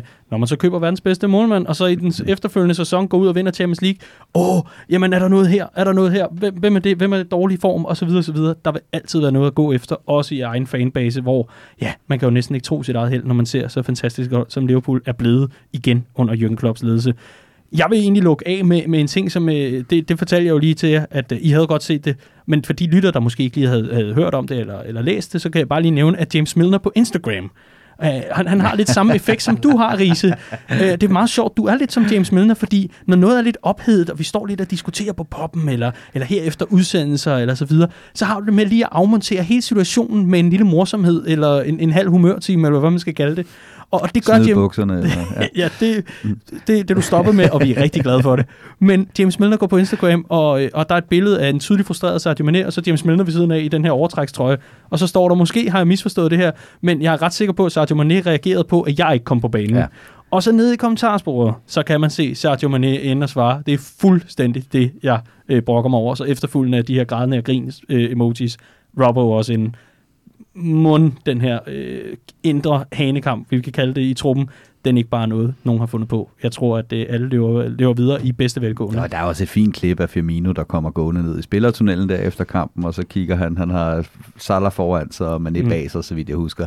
Og så har han det der sådan smørrede grin på, som er sådan lidt, okay, så, det, så blev de godt nok sure på hinanden, var. Haha. Ja. Øh, og det, ja, altså jeg, det, det tror jeg også, at, øh, at, at den er blevet lagt. Jeg, jeg synes, der er sådan et klart signal fra Klopp mm. og, og flere andre i truppen om, at det her, det får ikke lov at pille os ned. Og Mm. man hørte også Klopp på pressekonferencen efter kampen ligesom sige, prøv at høre, øh, I kan skrive om det lige hvad I vil, vi kommer ikke til at læse det. Og nu er der landskampspause, så øh, god tur med det, ikke? Og nu har vi endda masser af tid til det. ja, ja, lige nøjagtigt. Så altså, jeg, jeg frygter ikke, øh, ikke noget i den retning, og, og, og tværtimod, så tror jeg faktisk godt, det er noget, der kunne styrke os i, i, i længden, at vi kan overkomme det her uden de store ja, problemer. Og, og en, en sidste lille kommentar. Jeg har set nogen, der, øh, der spekulerer lidt i, at sådan en som Mané, han sikkert tænker i, at målforskel kan blive afgørende, fordi vi endnu engang er i det her meget tætte race med, øh, med City. Og det tror jeg simpelthen ikke på. Altså, jeg tror ikke på, han, at der er nogen, der er så langt fremme som til at tænke, øh, tænke på det. Øh, så jeg tror mere, man skal tage det her som et udtryk for den agerighed, som vi også har snakket om øh, tidligere i den her sæson. At Liverpool er altså bare kommet ud til den her sæson med et mål om, at øh, den skal sidde lige i skabet. Altså Mm. det er en sult og en agerighed om, at hvis folk siger, at vi ikke kan leve op til det, vi lavede sidste år, hvor vi scorede 97 point i ligaen og, øh, og vandt Champions League, det kan vi, altså afsted, ikke? Altså, Mm. det, det, der er ikke nogen undskyldninger her. Vi, som, som Clark var inde på sidst der med, at, øh, at Firmino har fået tydelig besked på, om lige at droppe de, øh, de sidste fritatas øh, og de sidste 98 Carboninier på sin sommerferie, ikke? og Mm. mm. kommer tilbage i fysisk topform. Jeg tror lige så meget, det er, altså hvis man skal læse noget positivt ud af det, så tror jeg, det, det, det, det kan man godt tage med fra den. Altså, jeg tror, Femino render rundt med sådan nogle in-ears øh, med, med sin egen sang, der bare kører. Han er simpelthen, det er ren musik og ren samba, mm. når han får bolden. Men øh, vi, er jo, øh, vi, vi er jo ikke færdige endnu med, med den her kamp, selvom øh, at, at øh, vi gerne vil det, fordi vi skal tage Champions League-lodtrækning øh, også, og alt muligt andet. Vi skal jo selvfølgelig lige have bedømt kampen i øh, den her sæson, og den nye sæson af Copcast. Der er vi jo kommet op med det geniale, synes vi selv, at vi skal komme med en samlet karakter til holdet efter, øh, efter øh, den her øh, præstation og efter præstationerne. Og øh, jeg kan se i mit fine lille øh, regneark, at det er blevet Andreas Brønds Rises tur til at øh, give en karakter. Og starte med at give en karakter. Ja, jamen nu kan vi igen diskutere, hvor meget vi tager det her for givet, fordi nu har vi slået rekord i flest sejre i streg i Premier League. Vi har ikke tabt på hjemmebane siden 2017 i februar.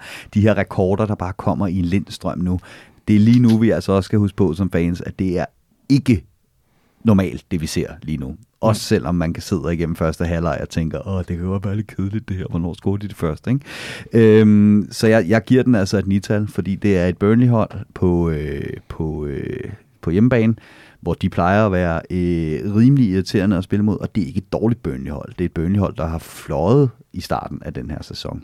Så øh, ja, et, et nital, øh, fordi vi skal trods alt gennem 10-tallet til, øh, til den dag, vi smadrer Manchester City 4-0 på Etihad. Jamen, øh, jeg er der, hvor jeg giver dig fuldstændig ret. Det er jo et nital værdigt at gå til Tøfmore og kontrollere opgøret, som vi gør det. At spille sig frem til så mange chancer, og samtidig også sørge for ikke at lade sig overrumple fysisk. Noget, som vi har talt meget om også i optakten, at nu skulle der med med spidses albuer og gøres klar til, til noget, noget rigtig grim herrefight, fordi det her, det er altså Burnley, og det var ikke Stoke øh, 2,0 kom vi frem til, men der var stadigvæk en, øh, en, en, en god portion fight, der, der skulle lægges for dagen.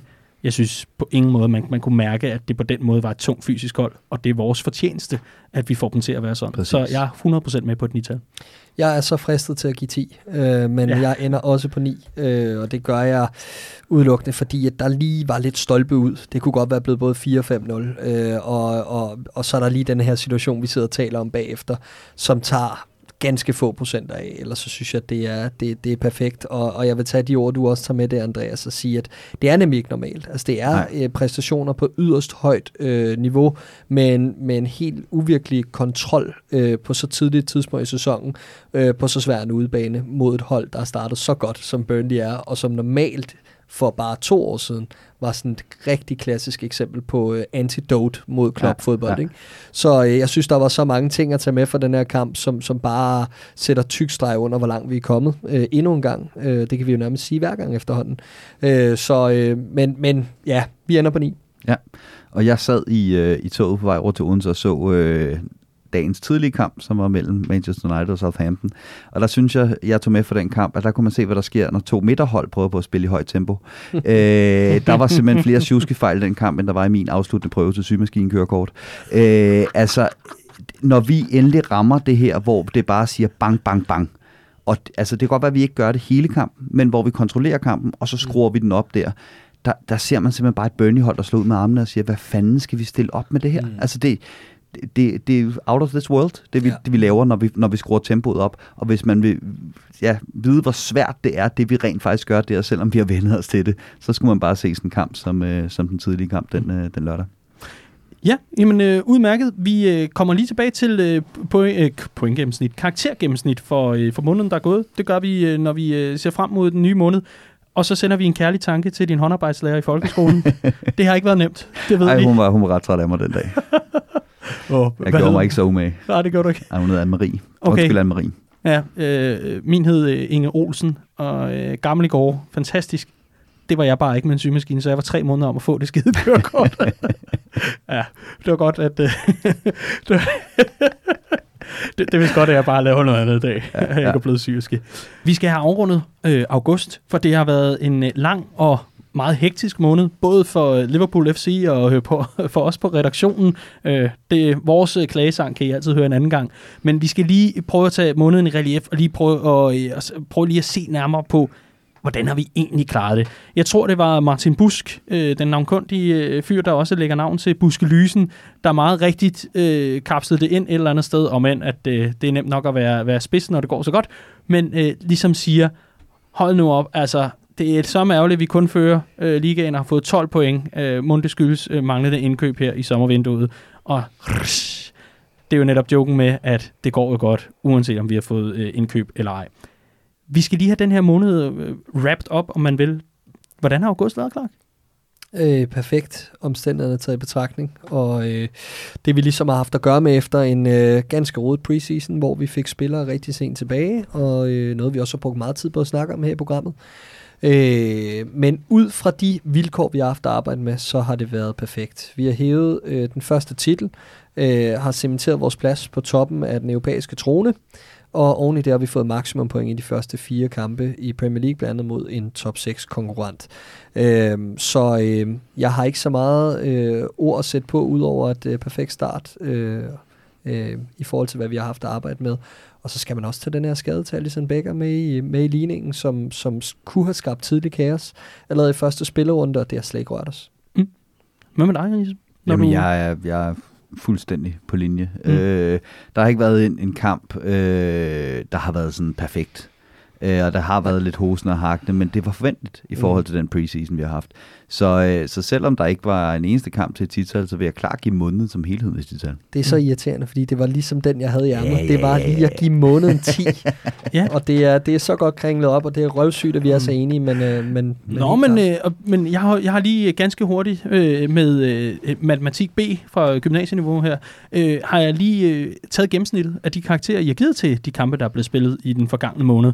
Og der kan jeg sige, Clark, øh, der giver du altså ikke 10, der giver du 8 øh, over øh, fem kampe her. Der giver du altså 8 Mhm. mm. for, for indsatsen. Mens du, Riese, er fuldstændig på linje med mig og giver 8,4, fordi vi er lidt mere taknemmelige for, hvad vi ser. Præcis. Ja. Ikke så kritiske som ham Nej. der ikke. gamle kyniker derovre. Man, man skulle Præcis. næsten tro, at han var den pessimistiske ikke, et eller andet sted. Altså, øh, der er ikke meget lykkepille tilbage, det er der altså ikke. Nej, Nej. de blev opbrugt i sidste sæson. men, øh, men, men nej, der har nemlig ikke været nogen præstationer, der har været helt op at ringe. Altså Burnley var på sin vis, øh, Arsenal gav os momenter af det, øh, men, men, men det handler om, altså det resultatmæssige ud fra, hvad vi har haft at, at, at arbejde med, er bare en anden sag. Og øh, at stå med et trofæ så tidligt i sæsonen, og, og stå på toppen af Premier League alene, øh, øh, efter, øh, eller med den hosen og hakken, som du selv er inde på, Andreas, præstationsmæssigt, og med, med det, de værktøjer, der har været i værktøjskassen, efter en så øh, problematisk preseason i forhold til tilbagevenden fra ferier og fra slutrunder og fra skader og det ene og det andet, så er det, så er det en fantastisk position at stå Mm. i, og det, øh, det afføder titel. Og så kan jeg et eller andet sted godt lide, at vi vælger at tage de to sidste kampe her i samme startopstilling. Øh, og ligesom sige, jamen nu, nu, nu er vi oppe og køre på den her bølge, og nu skal vi lige have banket, øh, banket det helt på plads her inden første landskampspause. Øh, jeg tror ikke, det er tilfældigt, at vi ser en Shaqiri komme ind få de første minutter her. Han har så fået at vide, eller han har selv meldt afbud øh, til øh, landskampen, så han bliver hjemme i Liverpool hen over landskampspausen og arbejder benhårdt. Og jeg tror, det er så nu, vi skal til at have ham og Origi og lidt mere bredt i gang osv. Men jeg kan faktisk godt lide, at vi ligesom siger, jamen mod Arsenal fik vi det til at spille, og nu sætter vi det lige helt på plads mod Burnley, at, øh, at det her det er altså et Liverpool-hold, der er kommet ind i den her øh, sæson for alvor nu, og, og, og, og lige sender et signal til ligaen om, hvad det er, vi er i stand til, når vi, øh, når vi har pause mellem kampene. Ja, og der begynder at være rigtig, rigtig kort øh, øh, pause mellem kampene her Mm. efter øh, landskabspausen, og, og, og så begynder sæsonen for alvor, at vi har brug for de her, øh, Ja, ja, de præcis. her marginalspillere, ikke? som de er i øjeblikket, både ham og Oxley Chamberlain, og, og, og flere af de andre, der kommer ind. Du nævner Origi, også Joe Gomez, øh, mange af de her spillere. Man kan så sige, at vi får Oxley Chamberlain afsted på, på, øh, på England duty, Mm. øh, og får forhåbentlig nogle minutter der. Øh, og det samme med Joe Gomez, som, som kan få dem lidt i kampform. Fordi lige pludselig er det faktisk ikke så skidt at have dem med, når de ikke har spillet mere, end de har her i opstarten. Nej, præcis. Og, og så har du Shakiri, som, som bare skal være derhjemme og arbejde, fordi hvis der skulle gå noget galt med Alex Oxlade-Chamberlain, eller med den øh, altså mængde af kampe, vi har efter pausen, så har vi bare brug for ham på en anden måde. Øh, han, skal, han har stadig en masse at lære. Han har ikke været i klubben i særlig lang tid, og der er noget taktisk med Shakiri, som, som Klopp gerne vil have indkapslet i ham, fordi han har et andet ansvar end mange andre spillere. Så øh, det har jeg det helt fint med, at han bliver hjemme, og jeg synes, det sender et stærkt signal, at Klopp er ude og snakke om ham i optakten til Burnley-kampen, og han ligesom selv træffer den her beslutning om at tage overlov for landsholdet. Øh, vi ved ikke, hvor længe, og vi ved ikke, hvordan det fungerer. Nok med en vis rådgivning fra Ja, jo, men lige præcis. Ikke? Nå, men jeg, jeg synes bare, det er men meget at han selv sigende. tager beslutningen, han Præcis. ikke ligesom insisterer at tage afsted med landsholdet. Og er så helt han oven i det får de første minutter i Premier Ja, League præcis. sæson samme weekend. Der, der er noget, der peger i retning af, at øh, grundet af Keita's skade måske, at han skal, han skal spille en lidt vigtigere rolle. Mm. end forventet. Og, og så vil jeg her på et, på et hængende år, jeg synes begge to I er inde på det, men et eller andet sted, jeg er så drøn imponeret af Jürgen Klopp og hans dispositioner hele vejen igennem den her måned. Jeg synes, han har taget, øh, der har været nogle lortesager rundt omkring, og der har været sådan lidt, lidt forskelligt det klassiske, man nu kan blive udsat for. Jeg synes slet ikke, at han får nok credit for den her måned. Han har simpelthen økonomiseret med, med, med kræfterne med det hele. Øhm, jeg, jeg vil dog sige, jeg er jo stadig ikke solgt. Jeg, jeg skal jo stå ved min skepsis et eller andet sted i forhold til det transfervindue, der er overstået. Det er nu, øh, at det, det skal bevises. Ja, Men ja. hvis man kunne få et udgangspunkt, jamen så er det her der, øh, det perfekte. Så øh, fremragende august måned, og vi glæder os rigtig meget. For det er blevet september, og det betyder Champions League fodbold. Og vi kaster os over gruppe E. Står det for European Champions? Jeg tror det. Det er blevet tid til Champions League gruppe gennemgang. Som vi har nævnt her i udsendelsen, så er der blevet trukket lod til øh, dette års Champions League gruppespil. Og øh, Liverpool var selvfølgelig i bowlen, og øh, vi var i pot 1. Det var vi ikke kvæg vores øh, koefficienter, det var vi altså, fordi vi jo selvfølgelig har vundet øh, turneringen, og øh, derfor øh, ligger godt til, når det, øh, når det endelig kommer dertil. Der var øh, fuld smæk på underholdningen, og det var overhovedet ikke stift og småkedeligt fra tid til anden. Det var et festfyrkeri i Monaco, vi var vidner til, og det endte således. Liverpool ender i gruppe E i dette års Champions League med Napoli, Salzburg og Genk. Og det med K til sidst, det er ikke der, hvor Jes Torp er. Det er Genk. Jeres reaktion på den her lodtrækning. Hvad var den i den forgangne uge? Sportsligt fantastisk. Øh, tæt på ikke at kunne blive bedre i forhold til ikke at blive alt for belastet i et gruppespil, der, øh, der selvfølgelig kommer til at øh, påvirke vores, øh, vores rytme, øh, enten på, på positiv eller negativ manér. Man kunne se sidste år i Champions League-gruppen, der øh, havde vi nogle, nogle skæve udbaneture, hvor at vi, vi taber alle tre udkampe i gruppespil, og det er aldrig helt godt for moralen. Øh, og her der forventer jeg ikke, at vi i samme ombæring vil få det lige så svært på vores aways. Ligeledes så er der rigtig kort øh, rejsetid, mellem de her øh, destinationer, vi skal spille øh, på Europa. Og, øh, og ja, det er rigtig fint. Udover det, øh, fra et øh, sådan øh, fodboldromantisk synspunkt, om man vil, så er det ikke øh, den mest spændende pulje, øh, og det er ikke de største øh, og, og, og fedeste stadions, vi ligesom skal ud og opleve. Og i og med, at Napoli er en genganger, så giver det sig selv, at den ikke er helt lige så spændende, som den egentlig burde være. Og, og de to andre minder mere om Europa League-modstand. Mm. Ja, det er sådan, øh, altså det der med genudsendelser, ikke? Øh, ligesom Manchester City og Shakhtar Donetsk, ikke? Øh, det, man er bare vant til det, ikke? Jo, eller bare Manchester City og lodtrækninger, Nå, men ja, ja, sådan, det var sådan, er der det var. meget. Er kuglerne varme, som man spørger sig selv? Riese, Mm. din reaktion på den her lodtrækning, hvad var den? Har den, Den- den ændret sig? var øh, cirka ligesom de 300 tweets, jeg så, da jeg gik ind for at skrive mine tanker på Twitter og fandt ud af, at verden kunne nok undvære endnu et tweet, hvor der stod øh, ikke så lang rejsetid, øh, let modstand og trods alt lidt stjernestøv i forhold til Napoli, som er et godt hold, som nok skal komme til at give os to gode kampe. Så øh, modsat jer to valgte jeg ikke at dele de tanker med verden. Okay. Øh. Jamen, øh, hvor er det godt, at du holdt dig for tastaturet den dag så, øh, min, min kære ven. Men øh, det betyder jo så også, at du diskvalificerer dig selv, fordi Nå, så har ja. du ikke givet dig, dig selv, øh, du har ikke sat dig selv på spil, jo, tydeligvis. Nej, nej. med, med, med er så, så revolutionerende tanker, som Præcis. dem vi har delt, åbenbart. Hvis, hvis vi kaster et, øh, et, et kritisk blik på den her gruppe, og kigger sådan decideret sportsligt og på styrkeforholdene, så nævnte du, Riese, i en bisætning omkring øh, Napoli, der nævnte du i øh, forgangne uge, tror jeg det var, at Napoli, jamen de er øh, højst sandsynligt, og er det nok også efter weekenden taget betragtning, første udfordrer til Juventus i øh, Serie A, hvor Juventus efterhånden har monopol på det der øh, Mm. mesterskab. Ja, og du, med weekenden henviser du til øh, den vanvittige kamp, de Mhm. havde med netop Juventus. Øh, kommer bagud 3-0, kommer tilbage på 3-3, taber den 4-3 i overtiden, i en kamp, som de fleste, der har set den, faktisk er enige om, at Napoli var det bedste hold i. Øh, så det er et virkelig, virkelig, virkelig stærkt øh, italiensk mandskab, vi skal op øh, imod der, og det skal nok blive to gode kampe. Og øh, så, så øh, har, vil, jeg, vil jeg også høre, altså, i forhold til Napoli, det var jo med, med, med livrem og seler, hvilket man også kan læse om i øh, Mentale Monstre i Europa og Europa, Mm. men det var jo med livrem og seler, at vi lige præcis fik øh, kvalificeret os ud øh, videre, eller i hvert fald øh, fik øh, avanceret os til, til knockout-kampene. Vores, øh, det er jo vores dessert, når det kommer til Liverpool efterhånden. Det er de her knockout-kampe, men, men, men det var trods alt et hold, der, der bed igen, når vi mødte dem. Det var Ja. aldrig rigtig sikkert. Jo. Nej, og det kommer de også til at gøre den her gang. Forskellen på den her gang og sidste år, det er så, at der var også et PSG i den pulje, ikke? Øh, hvor at, at, at Salzburg og Genk, øh, hårdmod står for fald, pas på med øh, at være alt for sikre, og hvordan fanden tabte vi i Biograd sidste sæson, alt det her site, så bør det være et spørgsmål om, hvem af Liverpool og Napoli, der skal videre som etter. Mm. Okay, jeg gemmer lige den her lydbid og lægger den ud som ringetone, hvis vi ender som træer, ikke? Det er godt. Clark, du, øh, du sad lige og, og trak vejret dybt. Øh, nej, men det er bare, det, det er ikke et hold, der ligger specielt godt til os, det her Napoli-hold. Øh, vi havde rigtig svært ved at spille mod dem away øh, sidste år, øh, og så har vi den her hjemmekamp, hvor det kan gå begge veje. Øh, Mm. mm. Vi skaber en hel masse chancer. Det gør Napoli egentlig også øh, usædvanligt mange på Anfield. Har den her til sidst, hvor Alisson Becker må i aktion øh, på, på Miliks afslutning, øh, som opsummerer det hele meget fint. Utrolig tæt dyst om at gå videre sammen med, sammen med PSG i den her pulje. Ikke? Øhm, så, øh, så, så, så det er, hvad jeg tager ud af det, og så kigger jeg bare på et, et Liverpool-hold, der møder Napoli i preseason de sidste to år. Øh, vinder 5-0 det ene år, taber 3-0 det næste. Ikke? altså det er, det, det, er, det er hulter til bulter, og det er kampe, der er garant for underholdning, fordi det er to hold, der gerne vil frem af banen og, og, og har nogle interessante spilfilosofier, øh, som egentlig minder meget om hinanden. Øh, Mm. langt hen ad vejen.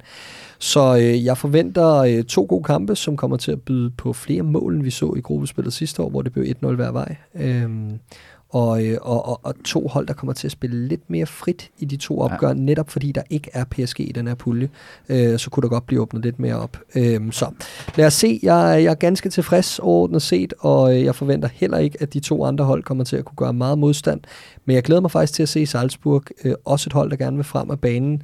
Øh, kender man øh, Ralf Hasenhüttel fra, fra Southampton, så er det meget den her moderne spillestil, som er gået op gennem Salzburg, videre til RB Leipzig, øh, og nu videre til nogle klubber rundt om i det større Europa. Man ser også Nagelsmann, øh, den her unge tyske manager, der praktiserer meget det samme, tør godt bringe bolden frem, tør godt komme frem på banen osv.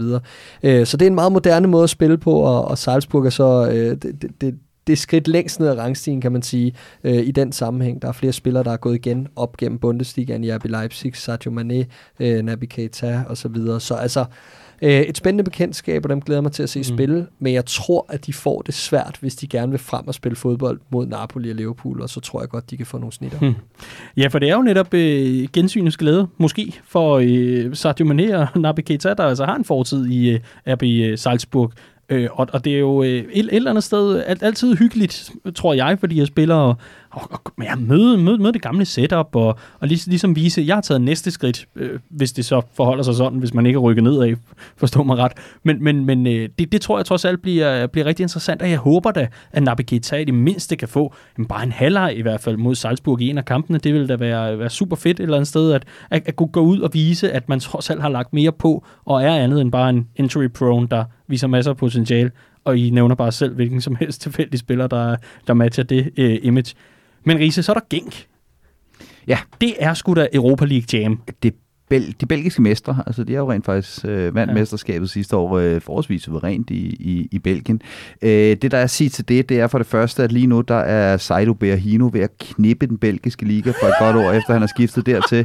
Øh, det siger måske lidt om, hvilket øh, niveau øh, vi bevæger os på, når vi snakker Belgien. Det er en liga, der er lidt svær at, øh, at finde ud af, hvad, hvor god egentlig er længere. Øh, derudover så er der det at sige, at de er blevet fuldstændig ribbet her i sommer. Øh, Leandro Trossard, øh, dygtig venstrekant, er skiftet til Brighton. Øh, Ruslan Malinovski, ukrainer, er skiftet til, til Atalanta. Øh, og træneren er skrevet og er taget til Klub Brygge, så de har også fået en ny træner. Øh, så det er, det er et hold, øh, øh, der er lidt svært at finde ud af, hvad man skal, skal synes om. Ikke? De har jo blevet fået tilgang af Onuaccio, som vi kender fra... Øh, SM Midtjylland, øh, og så har de ingen andre end George Hadjis søn, Janis Hadji, der også er kommet til øh, i løbet af, af sommer. Og det er det mest interessante, der er at sige om, øh, om det hold, tror jeg. Problemet ved, ved det her, Riese, det er, og tusind tak for øh, analysen. Ja. Problemet er, at nu skal jeg til at smide alle mulige labels på vores udsendelse, når du bruger så farverigt sprog om Saido Perarino. Jeg er jo jeg- stadig i chok. Altså, øh, og endnu en gang en bekræftelse af, at jeg er ældre end dig, Riese. Altså, jeg, jeg ved ikke, hvad der foregår. Nå, men har I set det? Han er jo gået fuldstændig målamok i øh, Belgien, ikke? Og joken er jo så, at, øh, at alle de der engelske managers, der lige nu har brugt øh, 30 millioner pund i den belgiske liga, Mm. ikke? Lige præcis Trossard til, øh, til Brighton og, øh, og Wesley til, øh, til Aston Villa. Uha, øh, det kunne være, at man havde kunne have fundet en billigere løsning, der til synligheden har samme niveau. Altså, jeg mistænker dig for rigtig gerne at ville bruge det ord, bare for at bruge det, fordi han har lavet tre mål, kan jeg se, ja. Ja. i fem kampe. Men det er sgu da også målemok. Det er der Ding, ding, for, ding, ding. for, for, Altså, for Bellarino, der ja. ikke scorede i over 600 dage. Fair nok, Så, øh, fair nok. For Stoke. Altså, det var lige før, der blev oprettet hjemmesider, ikke? Med uh, has uh, Berarino scored yet. Altså, det er virkelig, uh, det, det er der, vi er. Men, men, uh, men tak for både det maleriske sprog Jamen, og, var og for lidt. analysen. Det er jo en ganske, fornøjelse, ganske stor fornøjelse. Sidste år, der lavede vi en lille video, da vi prøvede at kaste os lidt ud det der med også at være på, ja, på skærmen og alt muligt andet. Og der prøvede vi at forudsige, hvordan gruppen ville ende. Med stor succes, selvfølgelig for mig i hvert fald. Men øh, skal vi prøve at kaste os ud i det? Jamen altså, når jeg endelig vinder over jer i noget. altså, du smadrer mig i FIFA, og jeg kan ikke finde ud af manager. Hvad? Sådan, sådan den fordelt. Men Clark, har du lyst til at komme med en forudsigelse? Hvad, øh, hvordan ender gruppen? Jeg tror, at øh, Liverpool bliver etter, Napoli bliver to, og Salzburg bliver tre, og Genk bliver fire. Jamen, så går jeg lige ud og siger, at Genk bliver 3 og Salzburg bliver 4. Okay. Jamen, øh, det skal vi simpelthen. Ja, jeg går med dig, Clark. Liverpool 1, Napoli 2, Salzburg 3, Genk 4. Glimmer. Fedt. Det var fandme sindsoprivende. Hold Helt vildt. Helt vildt. Men det var vores forudsigelser. Hvis du synes, vi har taget fuldstændig fejl, så lad os endelig vide det. Du kan skrive i indbakken, og så kan det være, at Riese han tjekker den en gang, når gruppespillet den er, det er overstået. Det var øh, umiddelbart lige gennemgangen og lodtrækningen. Jeg synes også, vi skal se frem mod september måned. Ganske kort lige se nærmere på, hvad venter der? Hvad er der på programmet? Fordi det er jo netop Champions League, der øh, får lov til at starte op igen, og vi glæder sådan European Nights mod Genk. What's not to like? Det er så ikke lige september måned, men I ved, hvad jeg mener. Vi lægger ud med en kamp mod Newcastle, så står der Napoli på menuen, så er det Chelsea, så er det MK Dons, Carabao Cup selvfølgelig, og Sheffield United. Lad mig høre, hvad, øh, er det faretroende farligt program, eller hvad, hvad, hvad, hvad er jeres øh, tanker om det? Og men der er helt klart en, øh, en, en, en spændende uge, vi går i møde lige efter landskampspausen, ikke? hvor vi starter hjemme mod Newcastle i den tidlige lørdagskamp. Det er jo noget, Jürgen Klopp ikke er særlig glad for efter landskampspausen at starte tidligt. Men alligevel så plejer vi at gøre det med ganske udmærket succes. Mm. Øhm, en, en must-win-kamp selvfølgelig, men så følger en, en away-kamp i, øh, i, i Napoli, altså i Champions League-debuten. Meget, meget spændende, hvordan vi kommer fra start der, og meget, meget vigtigt, at vi går derned og får point. Øh, og så efterfølgende, i den efterfølgende weekend, altså Chelsea ude. Øh, så det er jo helt klart nøgleugen, øh, og kommer vi godt derfra, så er jeg ganske fortrøstningsfuld i forhold til de to næste. Øh, det bliver rigtig spændende omkring den her MK Dons-kamp, hvor meget vi egentlig vægter øh, øh, Carabao Cup og, og FA Cup selvfølgelig, når vi når så langt i år, fordi nu har vi ikke længere de her svære lodtrækninger gennem os bag, og sige, at det ikke lige er convenient for os at, at ryge ind i den her kamp på nuværende tidspunkt. Nu møder vi faktisk en overkommelig modstander. Hvor stærkt stiller vi op? Hvor meget bliver der sparet og så videre? Det er jeg spændt på at se. Til gengæld så har vi allerede vundet et trofæ den her sæson, og det man ofte siger med Carabao Cup, det er jo, det er muligheden for at vinde et tidligt trofæ, tage presset af sæsonen. Øh, det har vi på en eller anden måde allerede gjort med den her altså, europæiske Supercup, som jeg personligt vægter højere end, end Carabao Cup. Det Ja, jeg, det så man kan have vildt, meninger til. Ikke? Øh, så så det, det, er, det er x-faktoren i forhold til det, øh, hvordan man går til den turnering, når nu man egentlig ikke nødvendigvis, forstår mig ret, har brug for den længere. Mm. Der er jeg lidt uenig, men det er måske fordi, jeg forbinder Carabao med, med kærligheden til Liverpool, og det var faktisk også det, jeg lærte dig at kende, Kark. Ja, Det var er til så finalen. fint. ja. Det, vi kan ikke længere sige, at det var det seneste trofæ, vi vandt. Nej, det kan vi ikke. Der har været et par stykker siden. Hold kæft, det var langt syv år, mand. Men det var, Ja. det var simpelthen der. Ja, der havde jeg lige fået bonus, og der brugte jeg dem alle sammen barn. Ja, det var en fornøjelse. Ja, der fik du ud af med med ribet mig for, for et shot eller otte. Også den aften, ja. Ja, også den aften. Hold kæft, det var godt. Men Carabao den, øh, dem, dem vil jeg sgu gerne vinde.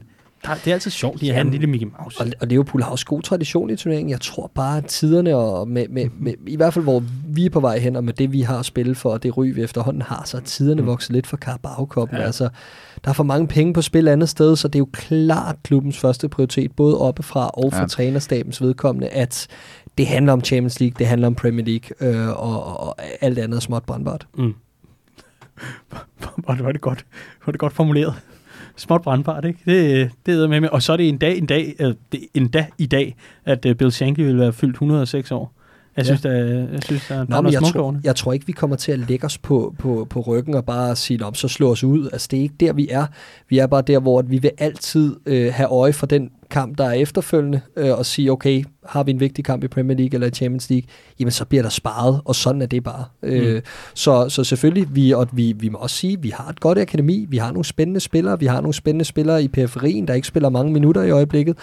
De skal da ind og bevise og det er jo også en gylden mulighed for det igennem kopturneringerne, så, mm. så jeg er ikke sikker på, at vi bare ryger i anden, tredje og fjerde runde af de her turneringer, ligesom vi så det sidste år.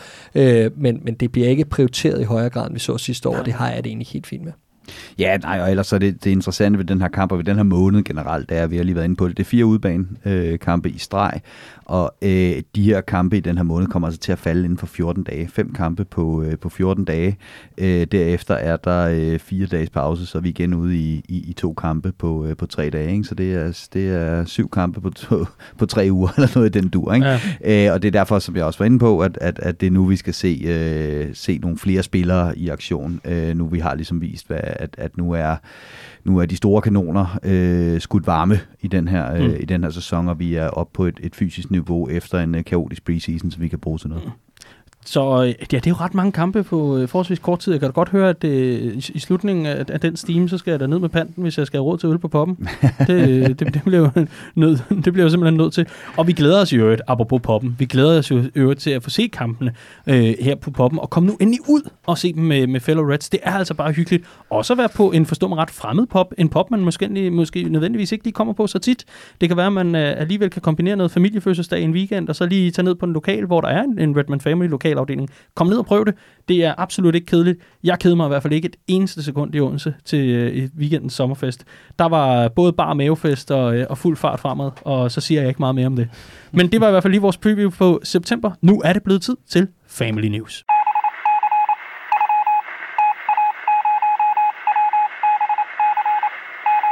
Kenneth Gregersen, din øh, medstifter Redman Family, han kalder det ananas i egen juice. Jeg kalder det Family News. Men øh, ikke desto mindre, så er det altså et fast segment her. Åh, oh, i, den uh, havde Copcast. du glædet dig til den der dag. Yes, jeg har skrevet min rim hjemmefra.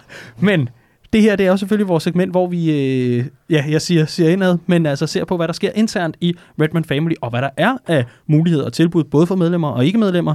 Det er som, øh, som sagt sådan, at øh, man kan jo melde sig ind i Redman Family for en slik, vil vi jo selv mene. For 25 kroner om måneden kan man altså være medlem. Man kan også købe et års øh, medlemskab, man kan også købe to års medlemskab. Det er altså øh, ganske tilgængeligt, og så får man altså også øh, fri adgang til alt vores øh, indhold. Man får blandt andet ekstra artikler ud, som altså både bliver læst op, men som altså også er vores øh, helt ekstraordinære indhold til, øh, til de medlemmer, som selvfølgelig bakker op. Det er der rigtig mange, der gør, og det er vi simpelthen så taknemmelige for. Og så får man også fordelagtige tilbud og rabatter, både på poppen, såvel som når man skal bestille sin fodboldrejse, såvel som hvis man skal købe noget for Redmond Family Shop, og så videre, så videre. Eventuelt en bog, hvis der er nogen tilbage i dine plastikposer. Det er der. Det er der. Det var godt. Det her, det er jo selvfølgelig øh, Family News, hvor vi lægger ud med det, der i hvert fald er ret stort for os i den her uge. Det er, at vi har vores årlige formandsmøde. Det er et møde, hvor alle lokalformænd, så mange der i hvert fald kan deltage, mødes øh, et sted i Danmark og øh, tager altså lige gennemgår, hvad sker der i Ørtman Family? Hvad er der sket? Lige samle op på, hvordan øh, er det egentlig, det, det går? Lige øh, tager temperaturen på det hele, og i det hele taget får, øh, får brainet udvekslet erfaringer og meget andet. Og inden vi lige kaster os sådan længere ned i, hvad, hvad, hvad det egentlig handler om, så vil vi bare sige, at hvis du er aktivt medlem i en lokalafdeling, eller i det hele taget er kommet et par gange et sted, så videre, så videre, tænker, jeg har en god idé, eller kan man ikke gøre det her lidt anderledes, eller hvad ved jeg, et eller andet, man måtte have på hjerte, så kan man altså lige tage kontakt til sin øh, lokalformand, hvis man ikke aner, hvem det er, så har vi heldigvis en øh, rigtig god hjemmeside, hvor der under afdelinger, så står der altså både kontaktoplysninger på ens formand, og så står der altså også, hvad, hvad vedkommende hedder, så man altså har en mulighed for at råbe Jesper, eller et eller andet ned på poppen, og så kan man altså finde vedkommende, øh, forhåbentlig, hvis der ikke er for mange Jesper på, øh, på dagen. Og med det, så vil jeg i hvert fald sige, at øh, kontakt din lokalformand, hvis du vil have noget med på mødet af en eller anden art, eller noget, som øh, skal være feedback for din afdeling, så tager vi det hele med på lørdag den 7. september, hvor vi drager mod Haderslev, øh, og øh, deres nye stamsted, der hvor du har været nede, Riese. Det skal vi glæde os til, kan jeg fornemme. Ja, tribunen, dejligt sted. Dejligt sted. Og øh, det her formandsmøde, Clark, hvad, hvad, hvad er der på dagsordenen, bare hvis du lige skal tage et par, par udpluk? Fordi jeg ved, at øh, du har skrevet en dagsorden så lang som, øh, ja, hvad ved jeg, det nye Jamen- testamente. Jamen, som du er inde på, så er det jo, det kræver jo lidt at, at, at kunne mødes på kryds og tværs af landet, og det er ikke så tit, at vi får muligheden for at kunne samle folk, øh, fordi at folk også på arbejde og har en masse an- andre ting at skulle se til i det daglige. Øh, Og, no, og, nogen vil sige, at man har et liv. ja, og så er det ikke altid nemt for, for, for mere end halvdelen af forsamlingen at skulle rejse 150-200 km for at få det hele til at lykkes. Så der er mange ting, der skal gå op, og det er noget, vi, vi prøver for så vidt muligt at planlægge i god tid hvert år, og i år der har vi øh, så øh, formået at kunne sætte det sammen i den første landskampspause i sæsonen. Og det er jo herligt. Øh, og på det her møde, der snakker vi om alt lige fra, hvad der er sket det forgangne år, til input fra medlemmer i de, øh, i, i de lokale afdelinger rundt omkring, og til hvad man synes, der kan gøres bedre, hvad der bliver gjort godt, øh, hvad der kunne være nye tiltag øh, i det daglige. Det kunne også være input til noget, som vi sidder og laver nu, nemlig Copcast. Det kunne være, jamen, det kunne være en hel masse ting og sager, øh, og omkring events og øh, nyhedsdelen og alt, alt muligt andet. Mm. Øh, det kunne også være, at man i de lokale afdelinger havde en idé om, at hov, ham her eller hende her er altså dygtig til at skrive, eller har noget på hjerte, når vi står og ser fodbold sammen, så kan I ikke eventuelt tage en snak med vedkommende, om de kunne lave noget for os. Og, altså, der er en masse ting, der, der er oppe at vende, og, og vi prøver ligesom at gøre det så komprimeret som muligt, så vi ikke øh, skal sidde i flere dage, men at vi kan gøre det på en enkelt. Øh, mm. og, øh, og det gik rigtig godt sidste år, og vi glæder os til en rigtig god dag i Haderslev i år. Sidste år var det i Odense, vi mm-hmm. holdt det. Ja. Og i år bliver det altså øh, på tribunen, det nye stamsted i, øh, i Haderslev. Så, øh, så det bliver super spændende, og det bliver dejligt at se dem alle sammen igen mm. øh, til, en, til en hyggelig eftermiddag, mm. øh, hvor vi øh, altså er forskånet for at øh, skulle øh, juble mere og, og, og diskutere Mané og Salers øh, uoverensstemmelser, men øh, vi i stedet kan fokusere på, på de her ting. Det bliver rigtig hyggeligt. Ja, og så, og så kan vi jo lige sige, at øh, bare fordi vi mødes, og bare fordi skal forstås rigtigt, vi mødes en gang årligt, så betyder det altså ikke, at der er fuldstændig radiotavshed resten af,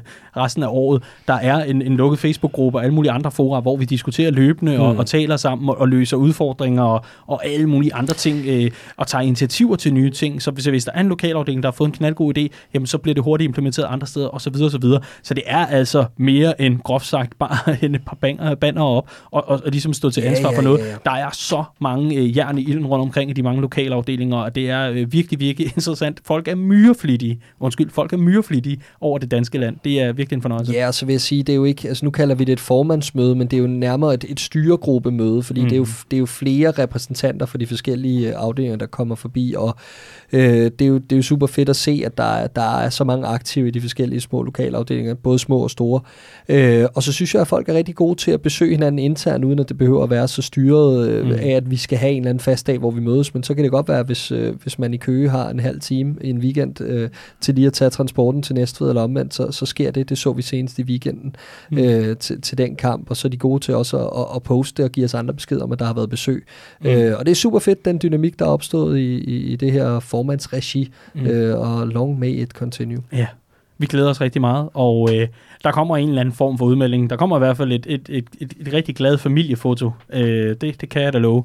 Øh, så, må, så må vi se, hvem er, hvem er der er Kenneth, der får lov til at tage det af os andre, der, der står og, og smiler bredt over hele ansigtet.